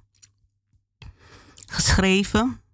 Na lange tijd toen weer op vakantie geweest. En toen ik terug was, heb ik dit geschreven. En 1998, we zitten nu in 2021. Ga maar na hoe groot de wens was. En in feite die nog steeds niet gerealiseerd is. En uh, ja, eigenlijk best wel jammer. En dan kom ik uh, op het Museum Suriname. Dat men, uh, waar men bezig is, niet het Slavernijmuseum, maar het Suriname Museum, zegt men. Ik heb hier ook al eens met mensen telefonisch over gehad, een paar maanden of jaar geleden. En ja. Ja, ik uh, even dit afmaken. Uh, ja, dus het uh, Suriname Museum. Dat was er al. Er bestond al een Suriname Museum. Want eigenlijk was ik het zelf ook vergeten. En toen ik bezig was, dat ik dacht van ik heb die mevrouw en die had het die mevrouw ontmoet en die had het over Suriname Museum. En plotseling dacht ik van ja, wacht even. Maar er was, bestond al jaren geleden zo'n museum, een klein hè, ruimte waar men informatie kon opdoen over Suriname, wat foto's kon bekijken. En ik heb er gewerkt zelf. Ik heb er gewerkt. In Oost uh, gevestigd. En ik vond het prachtig om de bezoekers uh, rond te leiden, maar ook echt over uh, de algehele geschiedenis te vertellen, zoals het in het begin was. Dat je eerst de inheemse krijgt en dan de, de slavernij, de mensen die toen naar Suriname zijn gebracht. En toen de immigranten, de Hindustanen, Javanen, Chinezen. Dus ik vond het ergens een, een ja, dankbaar werk dat ik daar mocht doen. Het zou wel, ik weet niet hoe lang het nog bestaan heeft, maar dat men nu weer bezig is om zo'n museum op te starten, is een goede, goed. Maar ik zeg ook van, uh, wat heeft prioriteit natuurlijk, gezien de situatie in Suriname. Maar goed, het is aan de mensen om dat zelf te bepalen. En ik ga straks even door, want ik hoorde net dat uh, meneer Sabayo, u bent aan de telefoon. Goedemiddag. Ja, ja. Goedemiddag, Goedemiddag. Op verre uitzending. Goed ja. dat u met dit weer, jij en Fred, in de studio komt zitten om al die informatie en de goede uh, uh, informatie en ja, het bewustzijn, snap je? En ja, dit naar de mag brengen, naar al die goede luisteraars, snap je, van ja, Radio Surimama en die mensen die doneren, dat we door mogen blijven gaan. Ik sta achter jou voor alles wat ik heb gehoord. Snap je wat je naar voren hebt gebracht? Ik ga het niet lang houden. Ehm, wat ik wil tegen jou zeggen, dat kijk, alles wat je hebt meegemaakt in je leven, snap je? Dat is iets van, dat kijk, zo staat het en zo moet het gebeuren. Maar niemand gaat je kapot maken. En niemand gaat je ook onderbrengen. Snap je? Want je bent van het universum en je bent ook van het licht en de zon. Ik zou zeggen van dat alles wat nu ons volk meemaken, dat we worden achtergesteld of achter in een kooi gestopt, in, of in een hoekje of in een hokje, snap je? Dat zijn dingen die we nog ook moeten nog meemaken, maar het komt allemaal goed. Het feit dat je zegt dat die uh, Mexicanen hebben ze hem dus zeg maar in hoek dat men hem niet ziet. Ik vind dat hij zelf zou moeten opkomen voor zijn rechten en zeggen: Kijk, hier hoor ik niet thuis, ik ben hier om missie te doen. Snap je? Zo. Maar ik weet niet of hij rechtstreeks uit Mexico komt hoor, of dat hij hier, uh, ik weet het niet precies. Maar, maar, maar uh, het feit dat hij dus zeg maar dat uit Mexico komt, snap je? En het zijn land tegenwoordig iets over zijn land. Tegenwoordig, ja. Om iets ja, over zijn landcultuur te vertellen. Ja, precies. En dat hij dingen naar voren brengt om bewust wordt, uh, aan de mensen te brengen. Snap je? Dat die mensen bewust worden wat allemaal gebeurt tot nu toe. Snap je? Uh, dat hij er zo wordt behandeld, snap je? Dat moeten we laten voor de duivel en de Satan die dat zo regeert. Snap je? Ik heb je al verteld dat ook. Maar u ziet dat ik mag het weer te horen krijgen en dat ik het ook weer mag delen via de radio. Precies, dat er mensen zijn die dat in de gaten houden, bewust zijn van hé, hey, hier speelt een stukje onrecht, vindt een stukje onrecht plaats. Dit kan niet. Maar ik heb je al gezegd ga... toch, dat kijk, die mensen, die, die uh, hoe noemen ze die helderziender, de bleke mensen, gaan naar de begraafplaats. Niet allemaal, hè? Ik wil ik ook niet, niet meer generaliseren. Ik heb nee, ook altijd dat, gezegd. Dat doe ik ook niet. Nee. Dat doe ik, maar ik bewijs van, omdat je praat over de kwaad ja. en de boos die de aarde regeert. Begrijp je wat ik bedoel? Ja. ja. Kijk, we zitten nu uh, in november, 7 november. Snap je?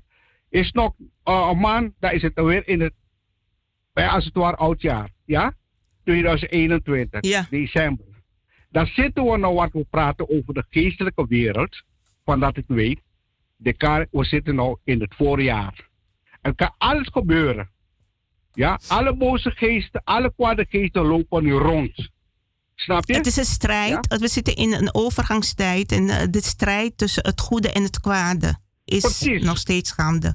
Ja, Precies. en daarom ben ik dus blij als er mensen uh, van, vanuit een goed hart, ongeacht hun afkomst, kleur of ras. Dat. Maar dat kan je, dat kan je niet vinden, omdat het dat boos, is er. Dat is er. Is. Dat is er, meneer Sabayo, dat is er. Ik geloof erin dat er mensen zijn van alle nationale, van alle bevolkingsgroepen die het goede in zich dragen, maar ook mensen die het kwaad in zich dragen. En ik zeg dit alleen. Wie met mij sympathiseert, sympathiseer ik weer met anderen. Als je niet met mij wil sympathiseren, het is jouw goed wil. Snap je? Ja, het is je goedvinding. Begrijp je? Maar ik ga geen mensen roepen, begrijp je? Omdat ik het al wist, dat kijk, de kwade is meer dan de goede. Ja, daarom heb je van de drie elementen geesten. Ja, ja. je hebt de bosgeest, watergeest en de aarde. Snap je? En die drie, snap je, hou ik aan. Ja, maar dat is goed. Dat is eh, als u voor uzelf. Maar wat ik wil meegeven is dat het belangrijk is dat je deze tijd uh, mensen hebt, jong of oud, ongeacht kleur of ras, religie, dat ze zeggen van als ze onrecht constateren op de een of andere manier, en het gaat niet alleen om hun eigen ras of kleur of noem maar op, maar gewoon het onrecht. Dat ze zeggen van dit wil ik niet meer hebben. Dit wil ik, ik ga dat naar buiten dragen. En geen angst ja, ook meer kennen. Ja, maar weet je wat het punt is?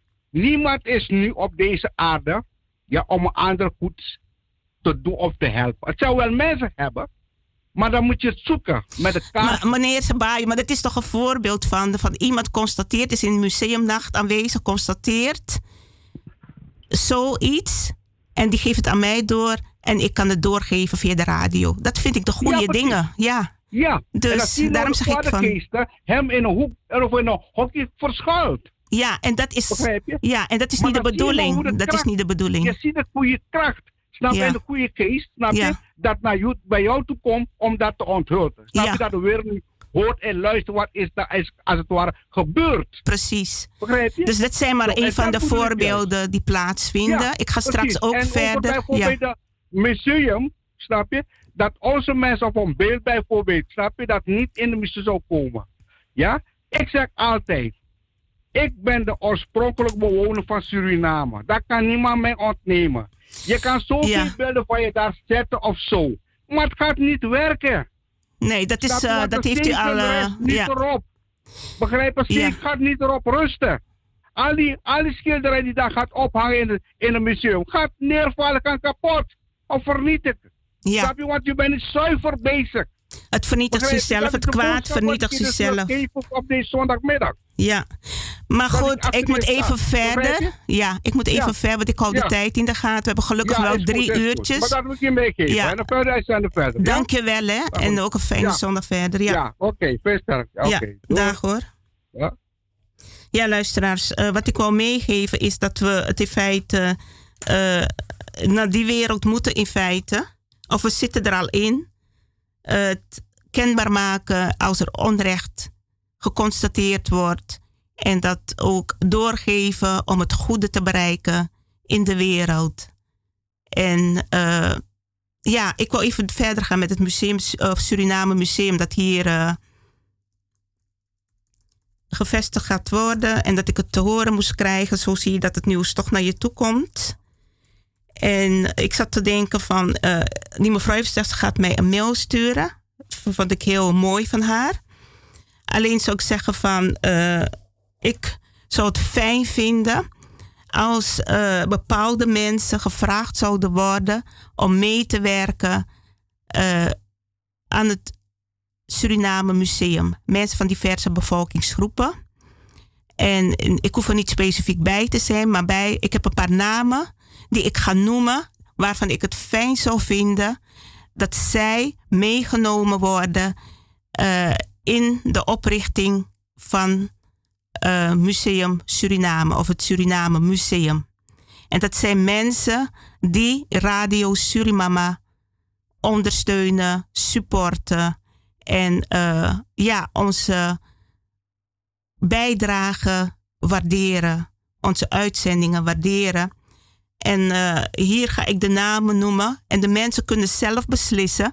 Maar ik vind deze mensen gewoon eh, capabele mensen, bekwame mensen. Die hebben zich ook eh, bij Radio Surimama laten horen in de uitzendingen. Hoe ze ons ondersteunen. En dat zijn onder andere mev mevrouw Corrie, ga ik toch wel zeggen. Want die is toch een van de supporters goede supporters. Mevrouw Hedy, die is aan het begin, eh, zeg, ja, heeft ze ook haar stem laten horen, ons echt ondersteund eh, en aangegeven ook van, ik ben van inheemse Afrikaanse afkomst. En ik vind dat beide erkend dienen te worden, beide volkeren er, erkend dienen te worden. En uh, en niet alleen over de Afrikaanse slavernij gepraat dient te worden. Dus ze heeft ons ook haar, uh, haar bijdrage geleverd. Haar bijdrage geleverd aan Radio Surimama. En meneer David ook, die heeft ook van zich laten horen. Meneer Errol David, uh, die geeft ook zijn donatie nog steeds. Meneer Woeding ook, heeft ook zijn mails gestuurd om zijn waardering uit te uiten naar Radio Surimama. En daarnaast ook zijn donatie. Meneer Nel, ook een goede, die zou ook een goede bijdrage kunnen leveren aan het museum. Meneer Orlando, ik weet niet hoe het met hem is, lang niet gehoord. Maar het zijn mensen die vanuit hun hart gesproken hebben, vanuit een goed en rechtvaardig hart. Meneer Amon ook ene meneer Arupa, die ook zijn donatie gaf. En meneer Sabayo natuurlijk. Mevrouw Gladys. Dus ik hoop dat, uh, ja, dat ze mij gehoord hebben. En dat er ook naar geluisterd wordt door de organisatie van het museum.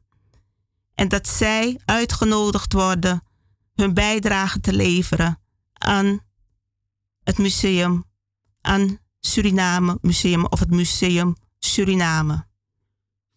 Nogmaals, mevrouw Corrie, mevrouw Heidi, mevrouw Gladys, meneer Davids, meneer Sabayo, meneer Woeding, meneer Nel, meneer Orlando, meneer Arupa, meneer Amon. Bij deze.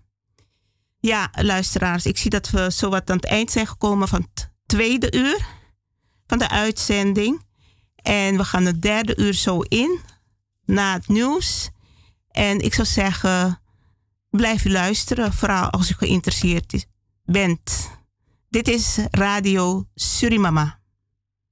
Luisteraars die de programma's van Radio Surimama willen ondersteunen, kunnen dit doen door een donatie te storten op het rekeningnummer van de Stichting Inzicht en Bewustwording. Het rekeningnummer is IBAN NL 94 INGB 0007 845337 IBAN NL 94 INGB 0007 845337. Uw donatie is welkom en alvast hartelijk dank ervoor.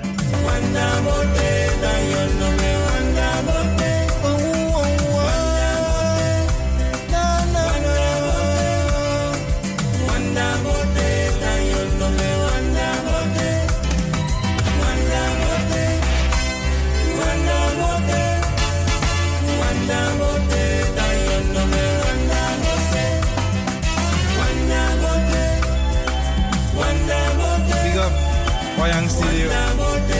Mamboy. Segi en Fres. Big up you ook toe. Wat kan dat ba? Ben je nog in? Dorachi wabo. Kanaba dayo no be. Raju suri mama. Harahuma kwa. Kanaba. Fareto jako. Lokono be. Raju suri mama. Kanaba. Osabo. De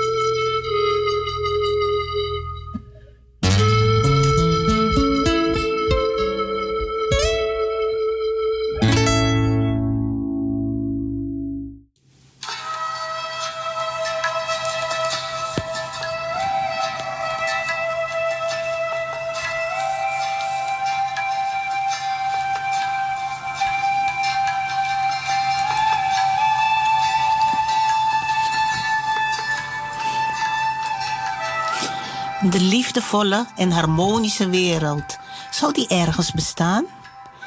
De prachtige en vredige wereld, waar altijd eeuwige licht en liefde straalt. Er geen sprake is van machtsmisbruik, bedrog en haat. Geen strijd en oorlog wordt gemaakt.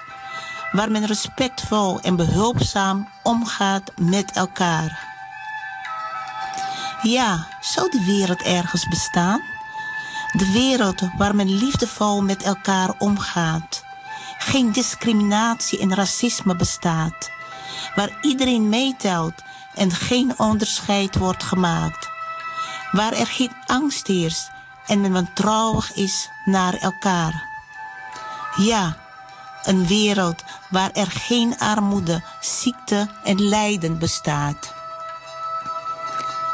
Het zou mooi zijn als die vredige wereld echt zou bestaan.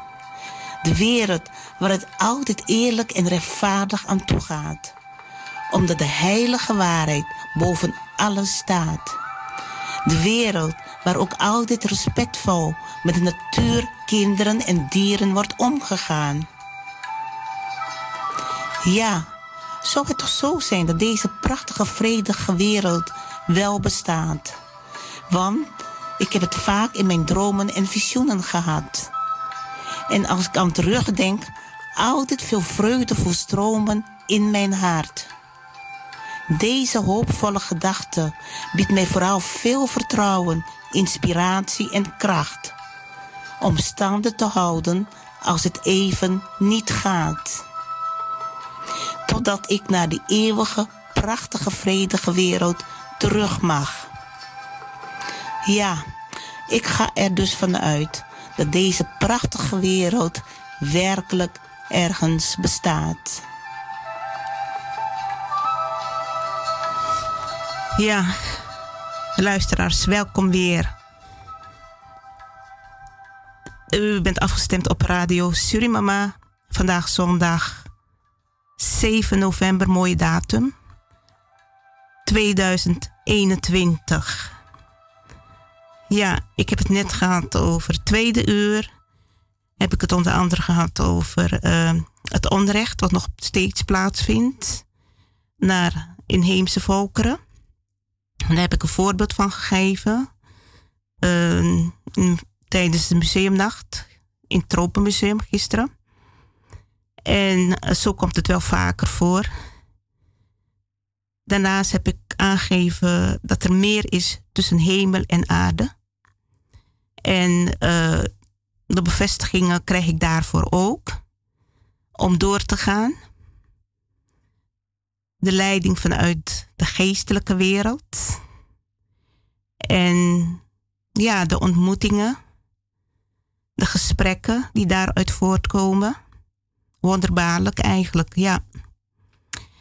Dat uh, soms afvraag van is dit echt werkelijk gebeurd? Of ja, het zijn de mooie dingen in het leven naast je werk, naast de, uh, hè, de nare dingen die gebeuren, de pesterijen die je toch meemaakt op diverse manieren, hoe men dat doet. En uh, de, die, die kwade etniteiten zijn overal. Ook al ben je goed bezig, proberen ze je op allerlei manieren proberen ze je dwars te zitten met berichten. Zeg maar, ik ben op, op uh, internet informatie aan het zoeken of het nieuws aan het lezen, komen ze met hele afschuwelijke berichten speciaal. Of ik ben op Facebook bezig, social media, plaatsen ze hele. En dan denk je van, dit is gewoon opzet van ongelukken die gebeuren. En uh, allemaal van die negatieve dingen laten ze je lezen. Dit is duivelswerk wat er plaatsvindt. Echt duivelswerk. Hoe die mensen bezig zijn. En omdat je, je probeert iets te betekenen. En dan proberen ze je op allerlei manieren te manipuleren. Van wij zijn beter dan jou, wij kunnen je overtreffen. Uh, het stelt allemaal niks voor. Dus ze willen je onzeker maken. En dat je zegt op een gegeven moment van ik stop ermee. Dat willen ze eigenlijk. En dan gaan hun door. Dan gaan ze door met hun koning en hun koningin vereren allerlei dingen bedenken om ze zo groot mogelijk te maken. Mensen in mijn wereld, waar ik vandaar, vandaan kom, is er niet één koning en koningin die, die geëerd moet worden. Iedereen is gelijk. Dus dat bedoel ik met die ongelijkheid hier op deze wereld, in dit land, in diverse landen. Mensen blijven dat maar slikken en slikken. Het Nederlandse volkslied.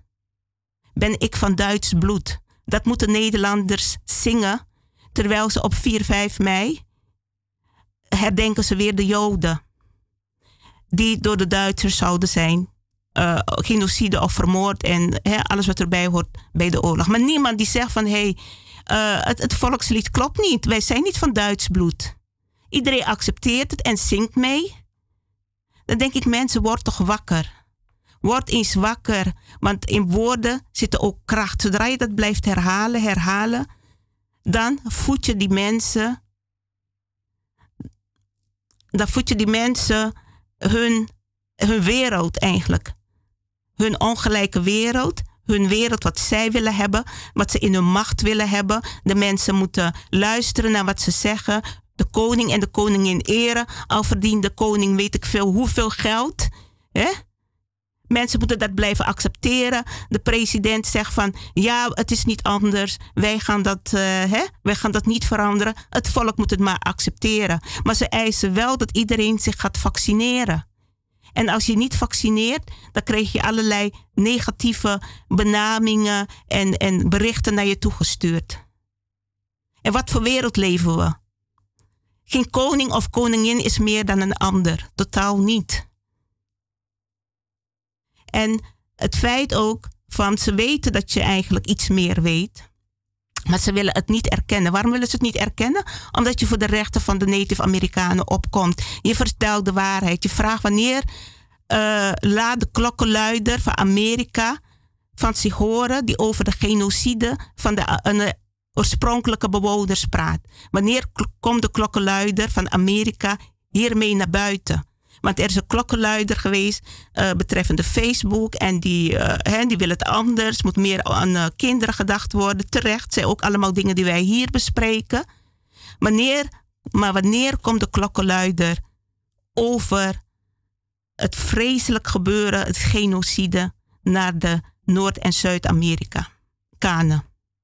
Wanneer staat een Europeaan op of een Afrikaan en die zegt van wij zijn hier naartoe gebracht. Maar dit land hoort deze mensen toe. Dit is hun land. Zij hebben moeten lijden en ze lijden nog steeds. Wanneer komen mensen met de waarheid naar buiten over het geschiedenisverleden? Daar zitten de kinderen, jullie kinderen, op te wachten.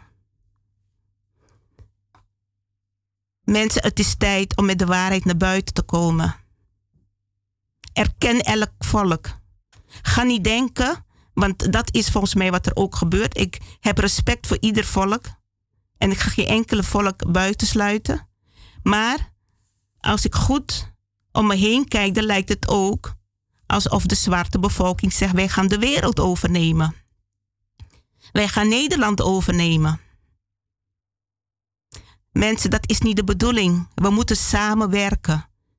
U moet ook, de, de Afrikaanse gemeenschap dient ook de inheemse te respecteren. De Indonesiërs, de Chinezen. Alles bij elkaar. Politiek bijeen. Politieke partij bijeen is opgericht. Ik denk dat ze, ik zag ze ook op mijn Facebook, dus ze hebben ook heel veel informatie uh, van mij kunnen overnemen over de kleurrijke hè, samenleving. Ik zie gewoon dingen die men van mij overneemt. Maar men gaat het niet zeggen. Maar in ieder geval, uh, als je al die mensen ziet verschijnen, als ik die mensen zie verschijnen op mijn Facebookpagina, en ik ga u zeggen hoor, het zijn hoogleraren, het zijn mensen uit de politiek, die komen en lezen en nemen mee wat ze mee kunnen nemen. Maar ze zullen nooit een berichtje achterlaten. Mevrouw, uh, ik heb uw berichten gelezen. En ik vind ze best wel interessant. Uh, ik zou graag u willen uitnodigen voor een gesprek. Hoe eerlijk zou dat zijn? Maar nee, ze komen, ze kijken wat ze mee kunnen nemen, doen ook inspiratie op. En ze gaan verder, ze gaan lezingen geven, ze praten in de politiek, uh, brengen ze onderwerpen naar buiten. Ze luisteren naar de adviezen die je geeft. Maar ze willen niet erkennen. En als je niet erkent en steeds maar bezig bent iets van, van een ander te kopiëren, dan ben je nog niet origineel. Dus ik zeg, ik vraag me ook af, wat is het probleem uh, wat mensen eigenlijk remt of, of tegenhoudt om gewoon contact op te nemen en te zeggen, u bent goed bezig. Ik zou u graag uitnodigen voor dit of dat of advies. Hè? We hebben ook aandacht besteed aan de problemen van jongeren, psychische problemen. Ik hoor geen enkele andere radiozender hoor. Uh, daar zo uitgebreid over praten. Dus eigenlijk, ik doe vrijwilligerswerk. Ik, eh, we geven informatie, advies, delen kennis.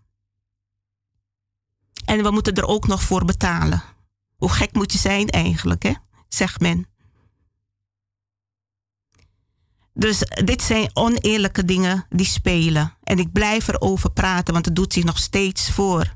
En ik ga volgende keer ga ik ook namen noemen van die mensen die mijn Facebookpagina bezoeken. Ik geef ze nog een kans om contact op te nemen.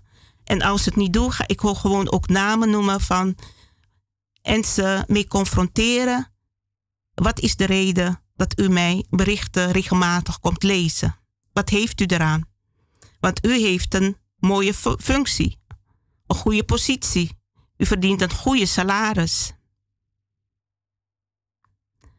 En ik heb gewoon een MBO-opleiding. Ik heb geen HBO-opleiding of universitaire opleiding.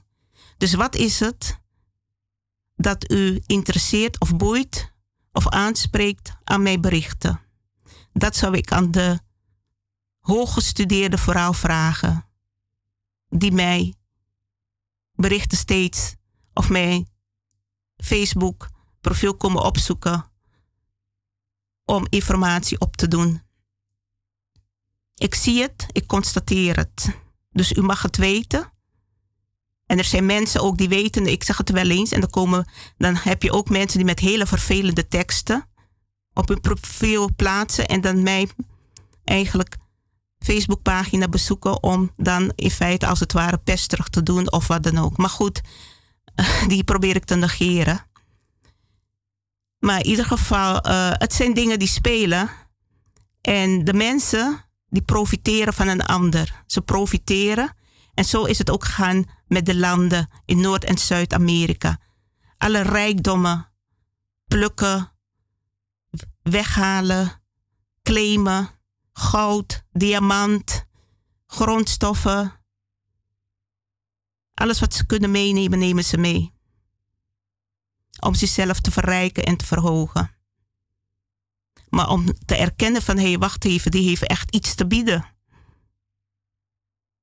Dat hun, hun egoïsme, dat houdt hun tegen daarin. In feite komt het daarop neer. Goed, ehm, we gaan nu even naar muziek luisteren. Luisteraars, ehm, ja, net wat ik zeg, ook het gedicht. De paradijselijke wereld, die bestaat wel. En ehm, dat is wat in feite, je gaat het nooit een heel uh, echte paradijs hier krijgen. Maar we kunnen wel aan werken het beter te krijgen. Het is mogelijk. Alleen mensen moeten daartoe bereid zijn.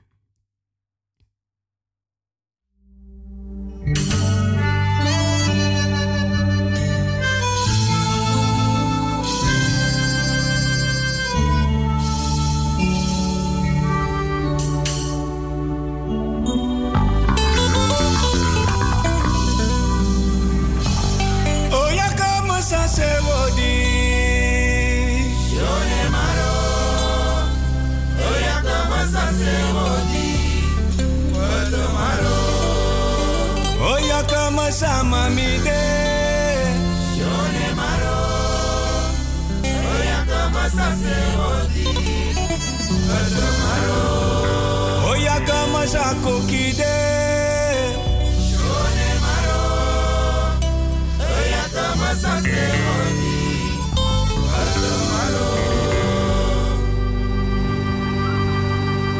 Oya kama sase sonide.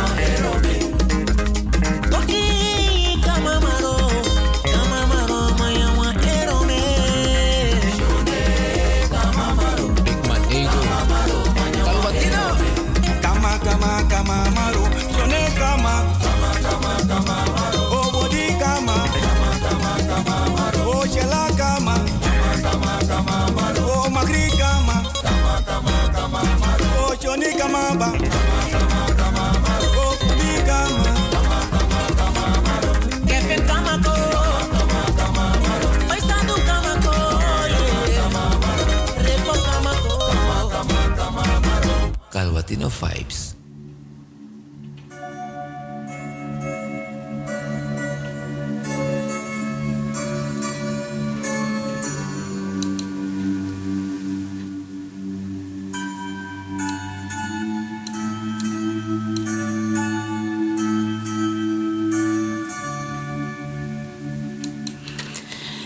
Lieve Arawakse grootmoeder, Josephine Indiaan genaamd.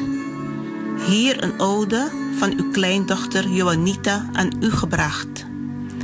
Helaas heb ik u niet mogen kennen, want u bent al op, op vroege leeftijd heen gegaan.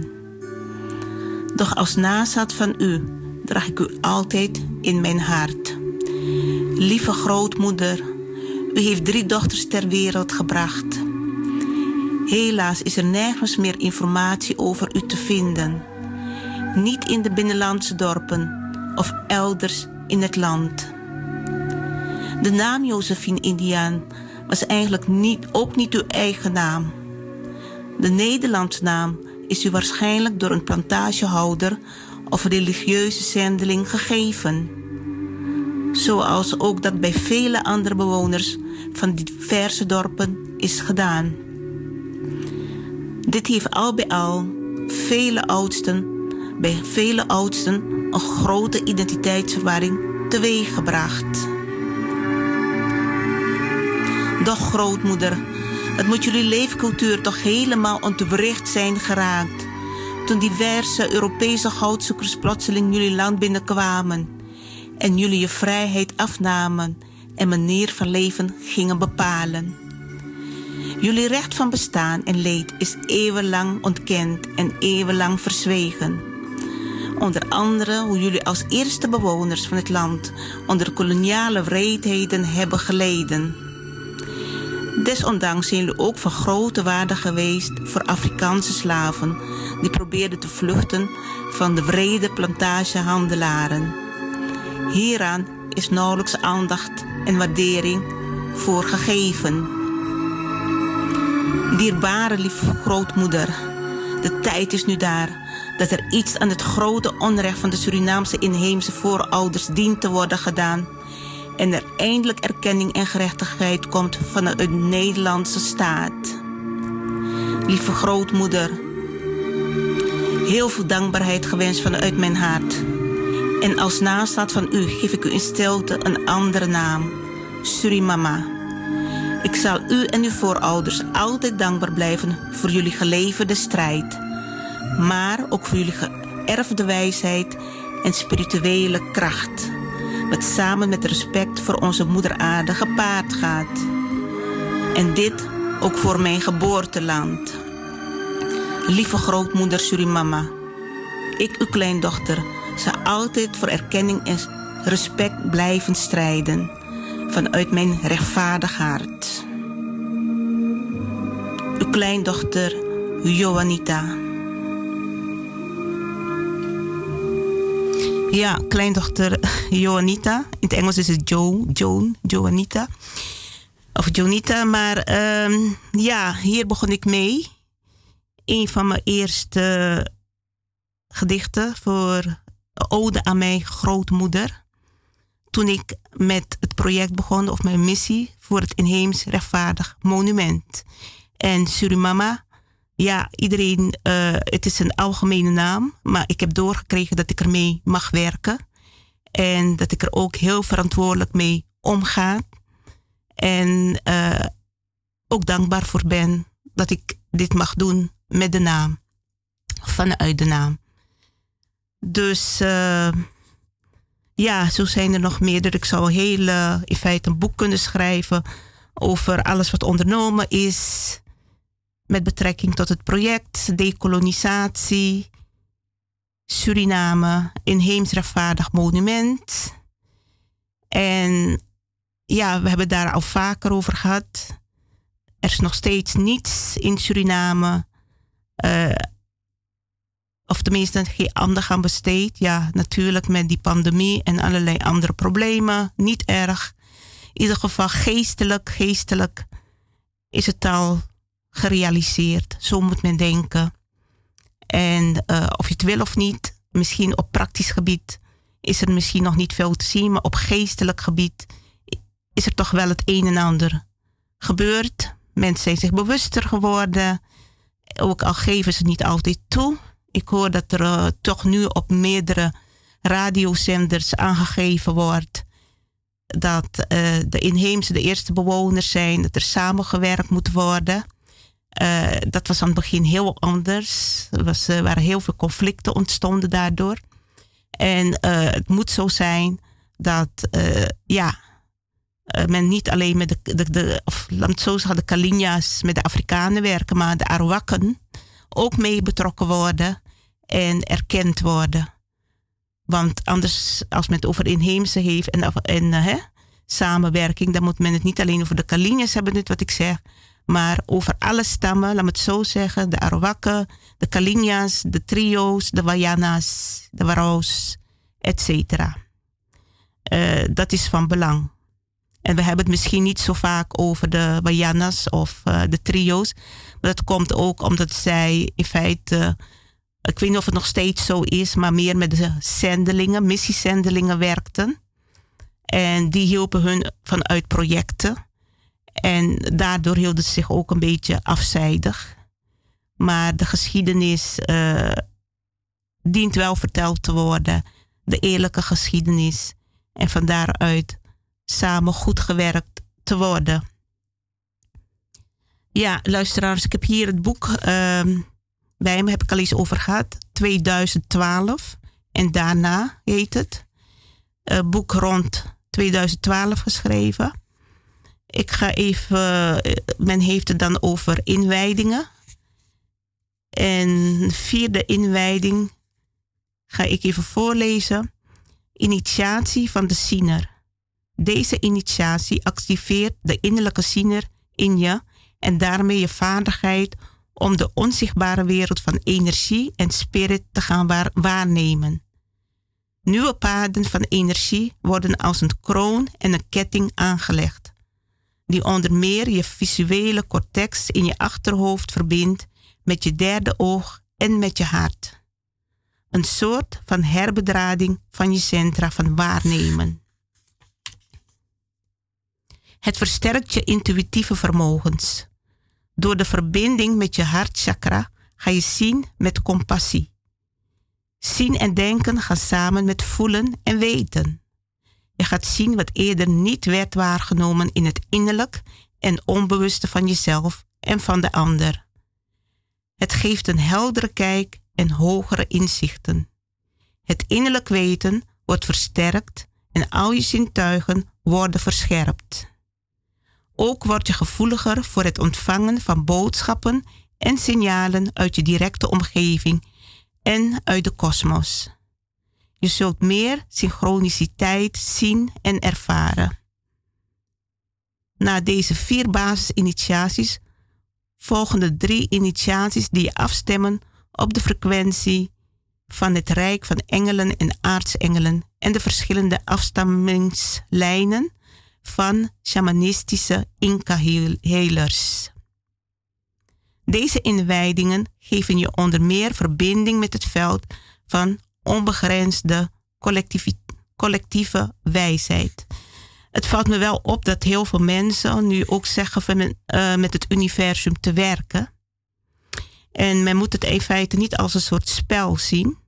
Want uh, het is niet aan iedereen gegeven nog om daarmee te werken. Het is mooi om dat te roepen, maar het moet ook vanuit je hart komen. Er zijn ook daar principes aan verbonden. Principes uh, waar je aan dient te houden. Want uh, anders heeft het geen zin eigenlijk om steeds over de kosmos te praten of over het universum. Het klinkt natuurlijk wel heel gewichtig als mensen daarover praten. Want dingen worden heel snel overgenomen hoor. Dat is wel iets dat speelt. Als iemand iets ergens hoort, of mensen wat ergens horen, dan gaat het van mond tot mond. En voordat je denkt, het, uh, nog niet het hele land wil ik zeggen, maar toch 80% van de mensen die dingen overnemen. En uh, van daaruit ook gaan zeggen dat ze daar uh, van daaruit leven, als het ware. Dus wat ik ook merk, is dat je nu ook veel hoort het woord dankbaarheid. Mensen geven vaak aan van, ik ben dankbaar hiervoor, ik ben dankbaar daarvoor. Vroeger hoorde je het niet zoveel, je hoorde steeds wel van, ja, ik ben wel blij dat ik dit heb, of hè. Maar het woord dankbaarheid, dat hoor je ook steeds meer, ook onder Nederlanders. Dat vind ik wel heel grappig. Ja, um, dus dat was de, de vierde initiatie. Even kijken naar vijf. Uh, initiatie van de hoeder van de dag. De hoeders van de dag dienen het vrouwelijke, moeder aarde en haar natuur. Zij werken met de onzichtbare kwaliteiten van de natuur en de krachtplekken van de aarde om harmonie te brengen in de relatie tussen mens en aarde. Lange tijd is het vrouwelijke onderdrukt en hebben we de aarde verwaarloosd. Dus het vrouwelijke wordt geassocieerd met de aarde, met moeder aarde. Dus zodat het vrouwelijke onderdrukt is, wordt ook moeder aarde genegeerd en eigenlijk verwaarloosd. Zij werken met de onzichtbare kwaliteiten van de natuur en de krachtplekken van de aarde om harmonie te brengen in de relatie tussen mens en aarde. Lange tijd is het vrouwelijke onderdrukt en hebben we de aarde verwaarloosd. Met deze inwijding verbeter je relatie met de aarde, met onze grote moeder. Onze heilige moeder die er altijd is en uit wie alle leven voortkomt. Net zoals de vrouw. De hoeders van de dag zijn de vroedvrouwen, kruidengenezers en natuurgenezers. Zij eren en danken de natuur in al haar grootheid en weten zich er een onlosmakelijk onderdeel van. Zij is een tijdbewaarder zoals de Maya de patronen in de tijd hebben bestudeerd en bewaard. Deze inwijding helpt je om het contact te herstellen met het eigen innerlijk vrouwelijke en geeft herwaardering van de vrouwelijke kwaliteit in het goddelijke en het universeel vrouwelijke, dat verbindingen tot stand brengt. Deze inwijding helpt je ook om over je angst heen te stappen en om vrede en waarheid in praktijk te brengen. Deze initiatie verbindt je met een afstammingslijn van Inca-helers uit het verleden. Initiatie van de hoeder van, de wij, van wijsheid. Deze initiatie helpt je om je te verbinden met het mannelijke in jezelf en het brengt je relatie met de hemel en vaderzon. Intitai weer in het reinen. Dus de vaderzon, zij noemen hem Intitai Tai. Daar word je in het reinen meegebracht. De zon, de kracht van creatie. Deze initiatie is geassocieerd met de door sneeuw en ijs bedekte bergtoppen van de heilige bergen op de wereld. Door alle tijden heen zijn deze bergen gezien als krachtplaatsen, waar de Apus verblijven, de heilige berggeesten. Elke berg wordt geëerd en de plaats als de plaats van de mens. Elk berg wordt geëerd als de plaats waar de mens God ontmoet. In de Andes gaat men ervan uit dat na de dood je lichaam wordt teruggegeven aan Moeder Aarde. Dat je energie naar de sterren gaat en dat je wijsheid naar de bergtop gaat. In de aarde vindt de transformatie plaats van de dood naar nieuw leven.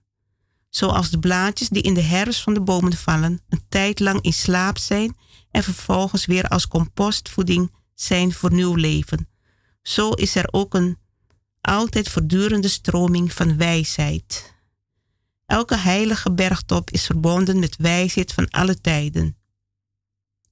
Uit het verleden en de toekomst. Wijsheid uit en van het oneindige. Deze inwijding, inwijding verbindt je met een lijn van Inca-helers die de oude wijsheid hebben bewaard en met lichtwezens die de dood hebben overwonnen en buiten de tijd zijn getreden. Het helpt je ook te proeven van collectieve wijsheid. Met deze inwijding worden oude trauma's geheeld en kun je op zielsniveau weer meer heel worden. Je zult stabiliteit en innerlijke rust ervaren, ondanks een eventuele chaotische buitenwereld. Deze initiatie brengt innerlijke vrede, vreugde en nectar, het zoete van het leven. Het belooft je de capaciteit om naar je eigen roeping te luisteren. Dus om naar je eigen ware bestemming te kunnen leven. De inwijdingen van de Pampamee-sjok en van de Automee-sayok verenig je de krachten van het vrouwelijke en het mannelijke in jezelf. Deze twee kwaliteiten komen meer in balans met elkaar en daardoor kan er ook meer balans ontstaan in je relaties met de mensen om je heen. Zo, prachtig. En um, het klinkt allemaal ook heel zuiver. Mensen denken altijd dat ze allerlei rituelen moeten uithalen en om uh, kracht te krijgen of in balans te komen of macht te krijgen. Heel veel rituelen ook die gevoerd worden om macht te krijgen en te behouden. En net wat er uh, gezegd werd ook over uh, dat mensen naar begraafplaatsen gaan om daar geesten op te roepen. Dan denk ik van mensen, waar zijn jullie mee bezig? Laat de geesten rusten. Laat de zielen rusten, want u weet niet wat u oproept. U weet niet waar u mee bezig bent. U weet niet wat voor gevolgen dit kan hebben op uw kinderen en kleinkinderen. Als u op zo'n manier macht wil krijgen of kracht of wat dan ook. Er zijn andere manieren, op een zuivere manier. Want net wat ik zeg, als u echt iets voor uw kinder, kleinkinderen wil betekenen, denk even goed na waar u mee bezig bent. Laat geen sporen voor ze achter. Want nazaten kinderen, kleinkinderen, lijden nog steeds door verkeerde handelingen die ouders, voorouders, grootouders hebben uitgehaald. Dat heeft invloed op hun. Ook in de psychische wereld komt dat voor. Ook veel jongeren die dan psychische hulp nodig hebben, omdat iets in hun zich heeft gevestigd, het kwaad, en ze niet meer normaal kunnen functioneren. En dit kan, het is niet de enige reden, maar het kan zijn dat door een negatieve handeling van grootouders, ouders, voorouders op het kind is overgegaan. Dus mensen, wees waakzaam. Uw verkeerde handelingen zijn nooit, hoe moet je het zeggen, uh, die werken eigenlijk altijd door op, uh, op de nazaten. En dat geldt ook voor wat er vroeger in de geschiedenis is gebeurd. In die landen uh, waar men volkeren onderdrukt heeft, gestolen, vermoord. En ja, de kinderen, veel Europese jongeren zijn zich daar niet van bewust, zijn niet van op de hoogte. En doordat het verzwegen wordt voor ze en ze het niet mogen weten, maar eigenlijk werkt het wel door. Het werkt wel door op ze zonder dat ze het misschien weten. Niet op iedereen. En uh, daarom is het echt van belang om bewust te zijn hoe men leeft, hoe men staat in het leven. En ook geen andere kwaad doet door allerlei demonische handelingen, kwaadaardige handelingen uit te halen als je jaloers bent op iemand. Of uh, boos bent of vanuit haat. Dat is niet goed. Ouderen moeten juist een voorbeeld zijn voor jongeren. Ouderen in groepen dienen juist als goede voorbeeld te dienen voor hun jongeren. En hun niet op te stoken om uh, kwaadaardig of haatdragend naar andere volkeren te zijn. Of naar andere mensen. Want straks bent u er niet meer en dus is die jongere er wel. En die heeft het moeilijk, want die heeft geleerd anderen te haten. En krijgt daar problemen mee in het leven. Of zich steeds als slachtoffer te voelen, of wat dan ook. Dus u heeft de verantwoordelijkheid wat u uw kinderen meegeeft. En dat u ook leert solidair met anderen te zijn, behulpzaam met de anderen te zijn. Niet het gevoel te geven dat ze meer zouden zijn dan een ander, maar goed naar anderen te luisteren. Eerlijk te zijn, ook op de televisie. Televisieprogramma's. Geen voortrekkerij van sommige bevolkingsgroepen. Iedereen laten zien. Dialoog voeren tussen diverse culturen. Want soms hoor je verhalen van uh, mensen die ervaringen opdoen met mensen van andere culturen. En dan zeg ik wat jammer dat daar op de televisie niet over zulke dingen gesproken wordt. En dat gaat niet alleen de zwarte mens aan die discriminatie of racisme zegt te ervaren, maar er zijn ook allerlei andere bevolkingsgroepen. Zeg maar iemand van andere afkomst uit een ander land met andere gewoontes, die tussen eh, moslimmensen werkt en daar uh, ja, vervelende ervaringen opdoet, omdat die zich misschien anders kleedt of anders praat en uh, niet meekomt in die wereld. Kijk, het moet voor alle kanten uit, uh, moet er aan gewerkt worden. Ook net wat ik zeg van diverse culturen, ook de moslims, die hebben hier een groot aandeel in Nederland om daaraan bij te dragen. Want tenslotte wonen ze ook hier in het land. En probeer je ook in te leven aan mensen met een andere cultuur en een andere denkvisie. In Nederland wordt alleen de mens, de moslim, wordt over het algemeen, een man of vrouw, als ze zich tegen de cultuur of religie zeg maar keren, dan worden ze geaccepteerd in de Nederlandse media en dan worden ze als een icoon gemaakt, naar buiten gedragen. En dat is in feite, dat gebeurt eigenlijk meer vanuit van oké, je bent niet eens met de uh, religie en de cultuur. Heel goed, wij zijn daar ook niet mee eens. We gaan jou tot een icoon maken. Alleen aan zulke dingen besteedt mij aandacht. Maar je ziet nooit, ik heb nog nooit een televisieprogramma gezien waar mensen aan tafel zitten van diverse culturen die hier in het land wonen. En dat ze met elkaar praten over uh, ervaringen die ze opdoen. Wat ze leuk vinden, maar wat ze misschien ook niet leuk vinden en ook niet begrijpen. Maar door met elkaar in dialoog te gaan daarover. Laat het niet alleen in, in ruimtes zijn, maar laat het vooral publiekelijk zijn. Door iedereen uh, te zien en te horen zijn. Want dat draag je bij, echt bij aan een betere samenleving. Zoals het nu aan toe gaat, is het niet goed. Laat de, de moslim of uh, de Marokkaan, de Turk, van zich horen hoe die ervaart om met iemand van Nederlandse afkomst van uh, inheemse afkomst, Afrikaanse afkomst, Hindoestaanse, Javaanse, Chinese, noem maar op. Laat die vertellen hoe die het ervaart. En omgekeerd dat zij dat ook vertellen. En ook van elkaar leren. Oh, dat doen jullie zo. Ja, dat doen wij zo.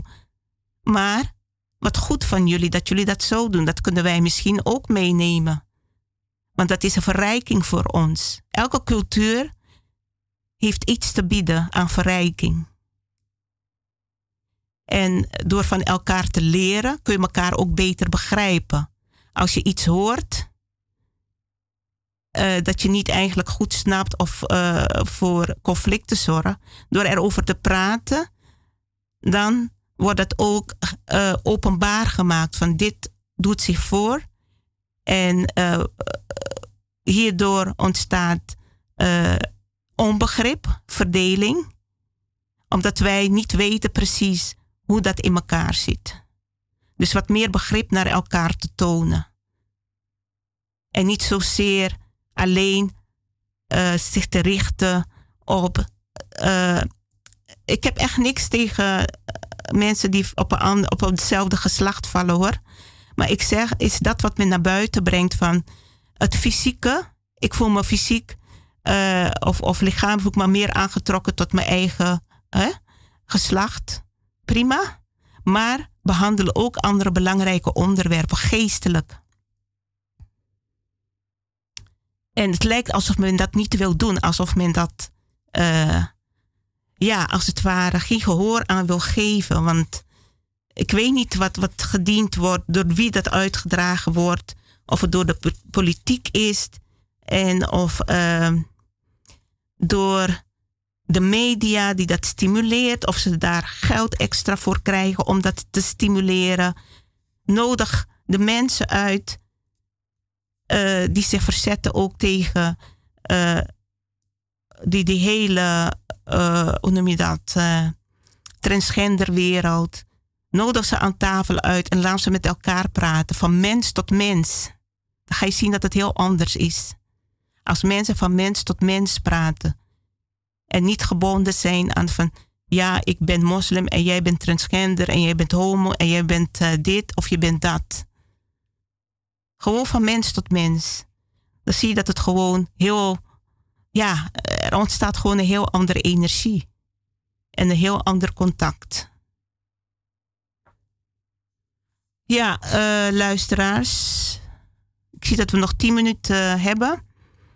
En ik las ook iets over de regenboog hier vanuit, uh, dit is een boek geschreven door Nederlanders. Veel Nederlanders hoor, die naar Zuid-Amerika zijn geweest en boeken hebben geschreven en hier naartoe teruggekomen zijn en ja, aan mee verdienen. Hè?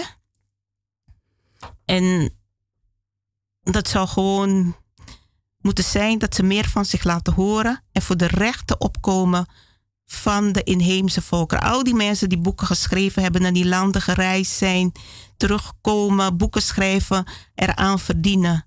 Laten ze meer geestelijk aan het werk gaan. En dat geldt voor alle spirituele organisaties.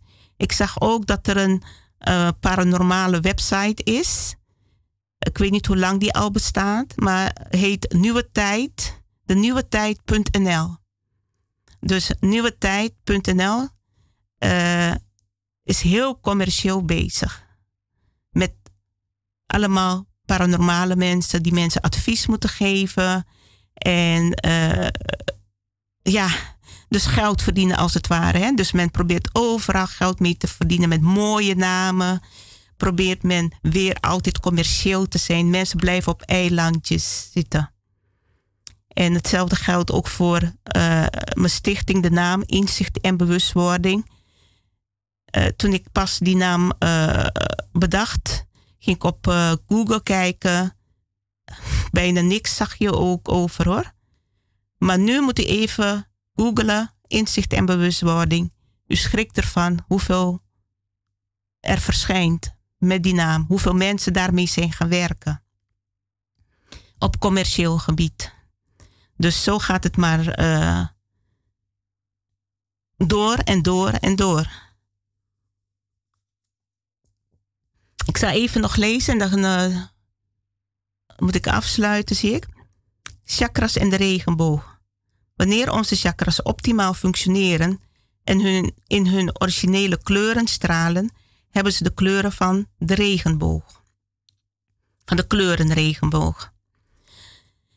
De, de chakras zijn van beneden naar boven rood, oranje, geel, groen, blauw, violet indigo en wit. Dus elke chakra van de mens heeft een kleur. In de natuur staat de regenboog precies andersom, met de witte kleur onderaan. In veel oude culturen en godsdiensten staat de regenboog symbool voor het contact tussen hemel en aarde, tussen het menselijke en het goddelijke. Bij de Inca's staat de chakras en de regenboog symbool voor het feit dat mens en spirit elkaar ontmoeten, waarbij de mens opstijgt en de spirit neerdaalt. De ontmoeting vindt plaats in het witte licht van beiden. Um, het, bestreden, het betreden van de regenboogbrug is een activiteit van de regenboogkrijger. De krijger van licht, die voorbij gaat of die voorbij angst en geweld en voorbij de dood gaat. Zijn wapen is onvoorwaardelijke liefde. Sinds 2002 bestaat er een internationale vlag voor vrede, met de regenboog als symbool.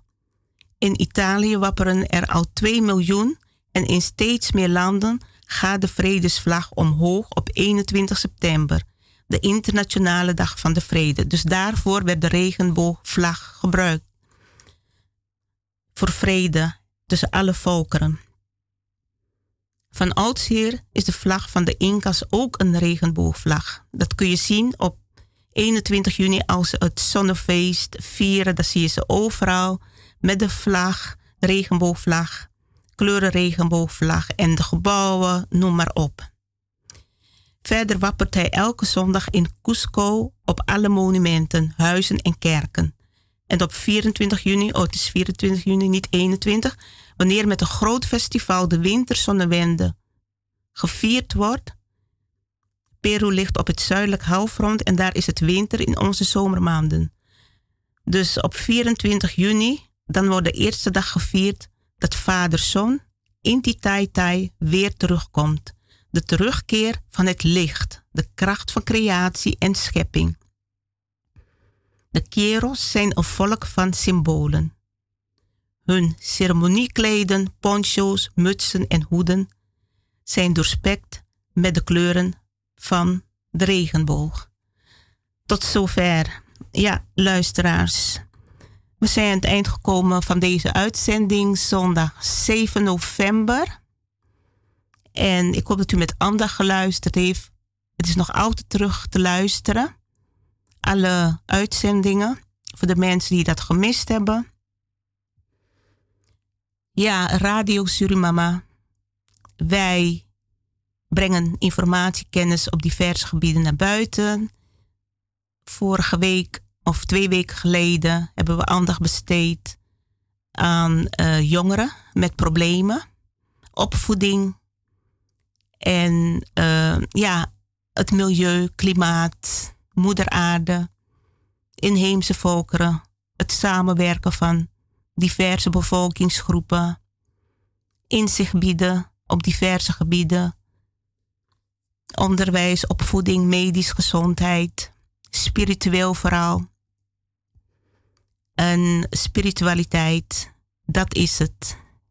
En zonder spiritualiteit kan het leven heel leeg zijn, want dan is men vooral gericht op het materiële. En het materiële kan ons niet gelukkig maken. Al denken heel veel mensen dat wel. Want als het materiële allemaal wegvalt en we ons altijd daarmee bezig gehouden hebben, dan voelen wij een grote leegte van binnen. Maar als we spiritualiteit meegenomen hebben in ons leven of meenemen en het materiële valt weg, dan zijn we nog altijd in balans. Want het materiële is vergankelijk en het spirituele is eeuwig. En dat nemen we mee in onze ziel als we naar de andere wereld gaan. Goed luisteraars, ik groet u. Dit was Radio Surimama. Bedankt voor het luisteren.